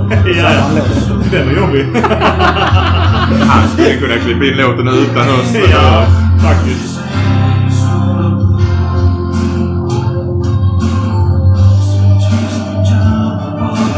San Siro utan Teddy Ring ser lite fulare ut.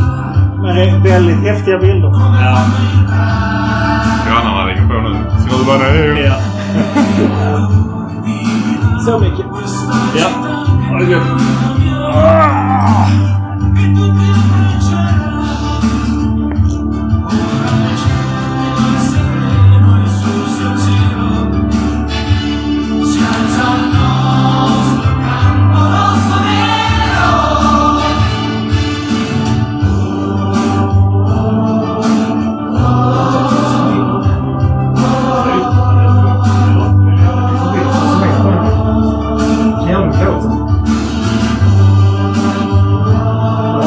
Okej, Forza Milan. Forza Milan! Forza Milan!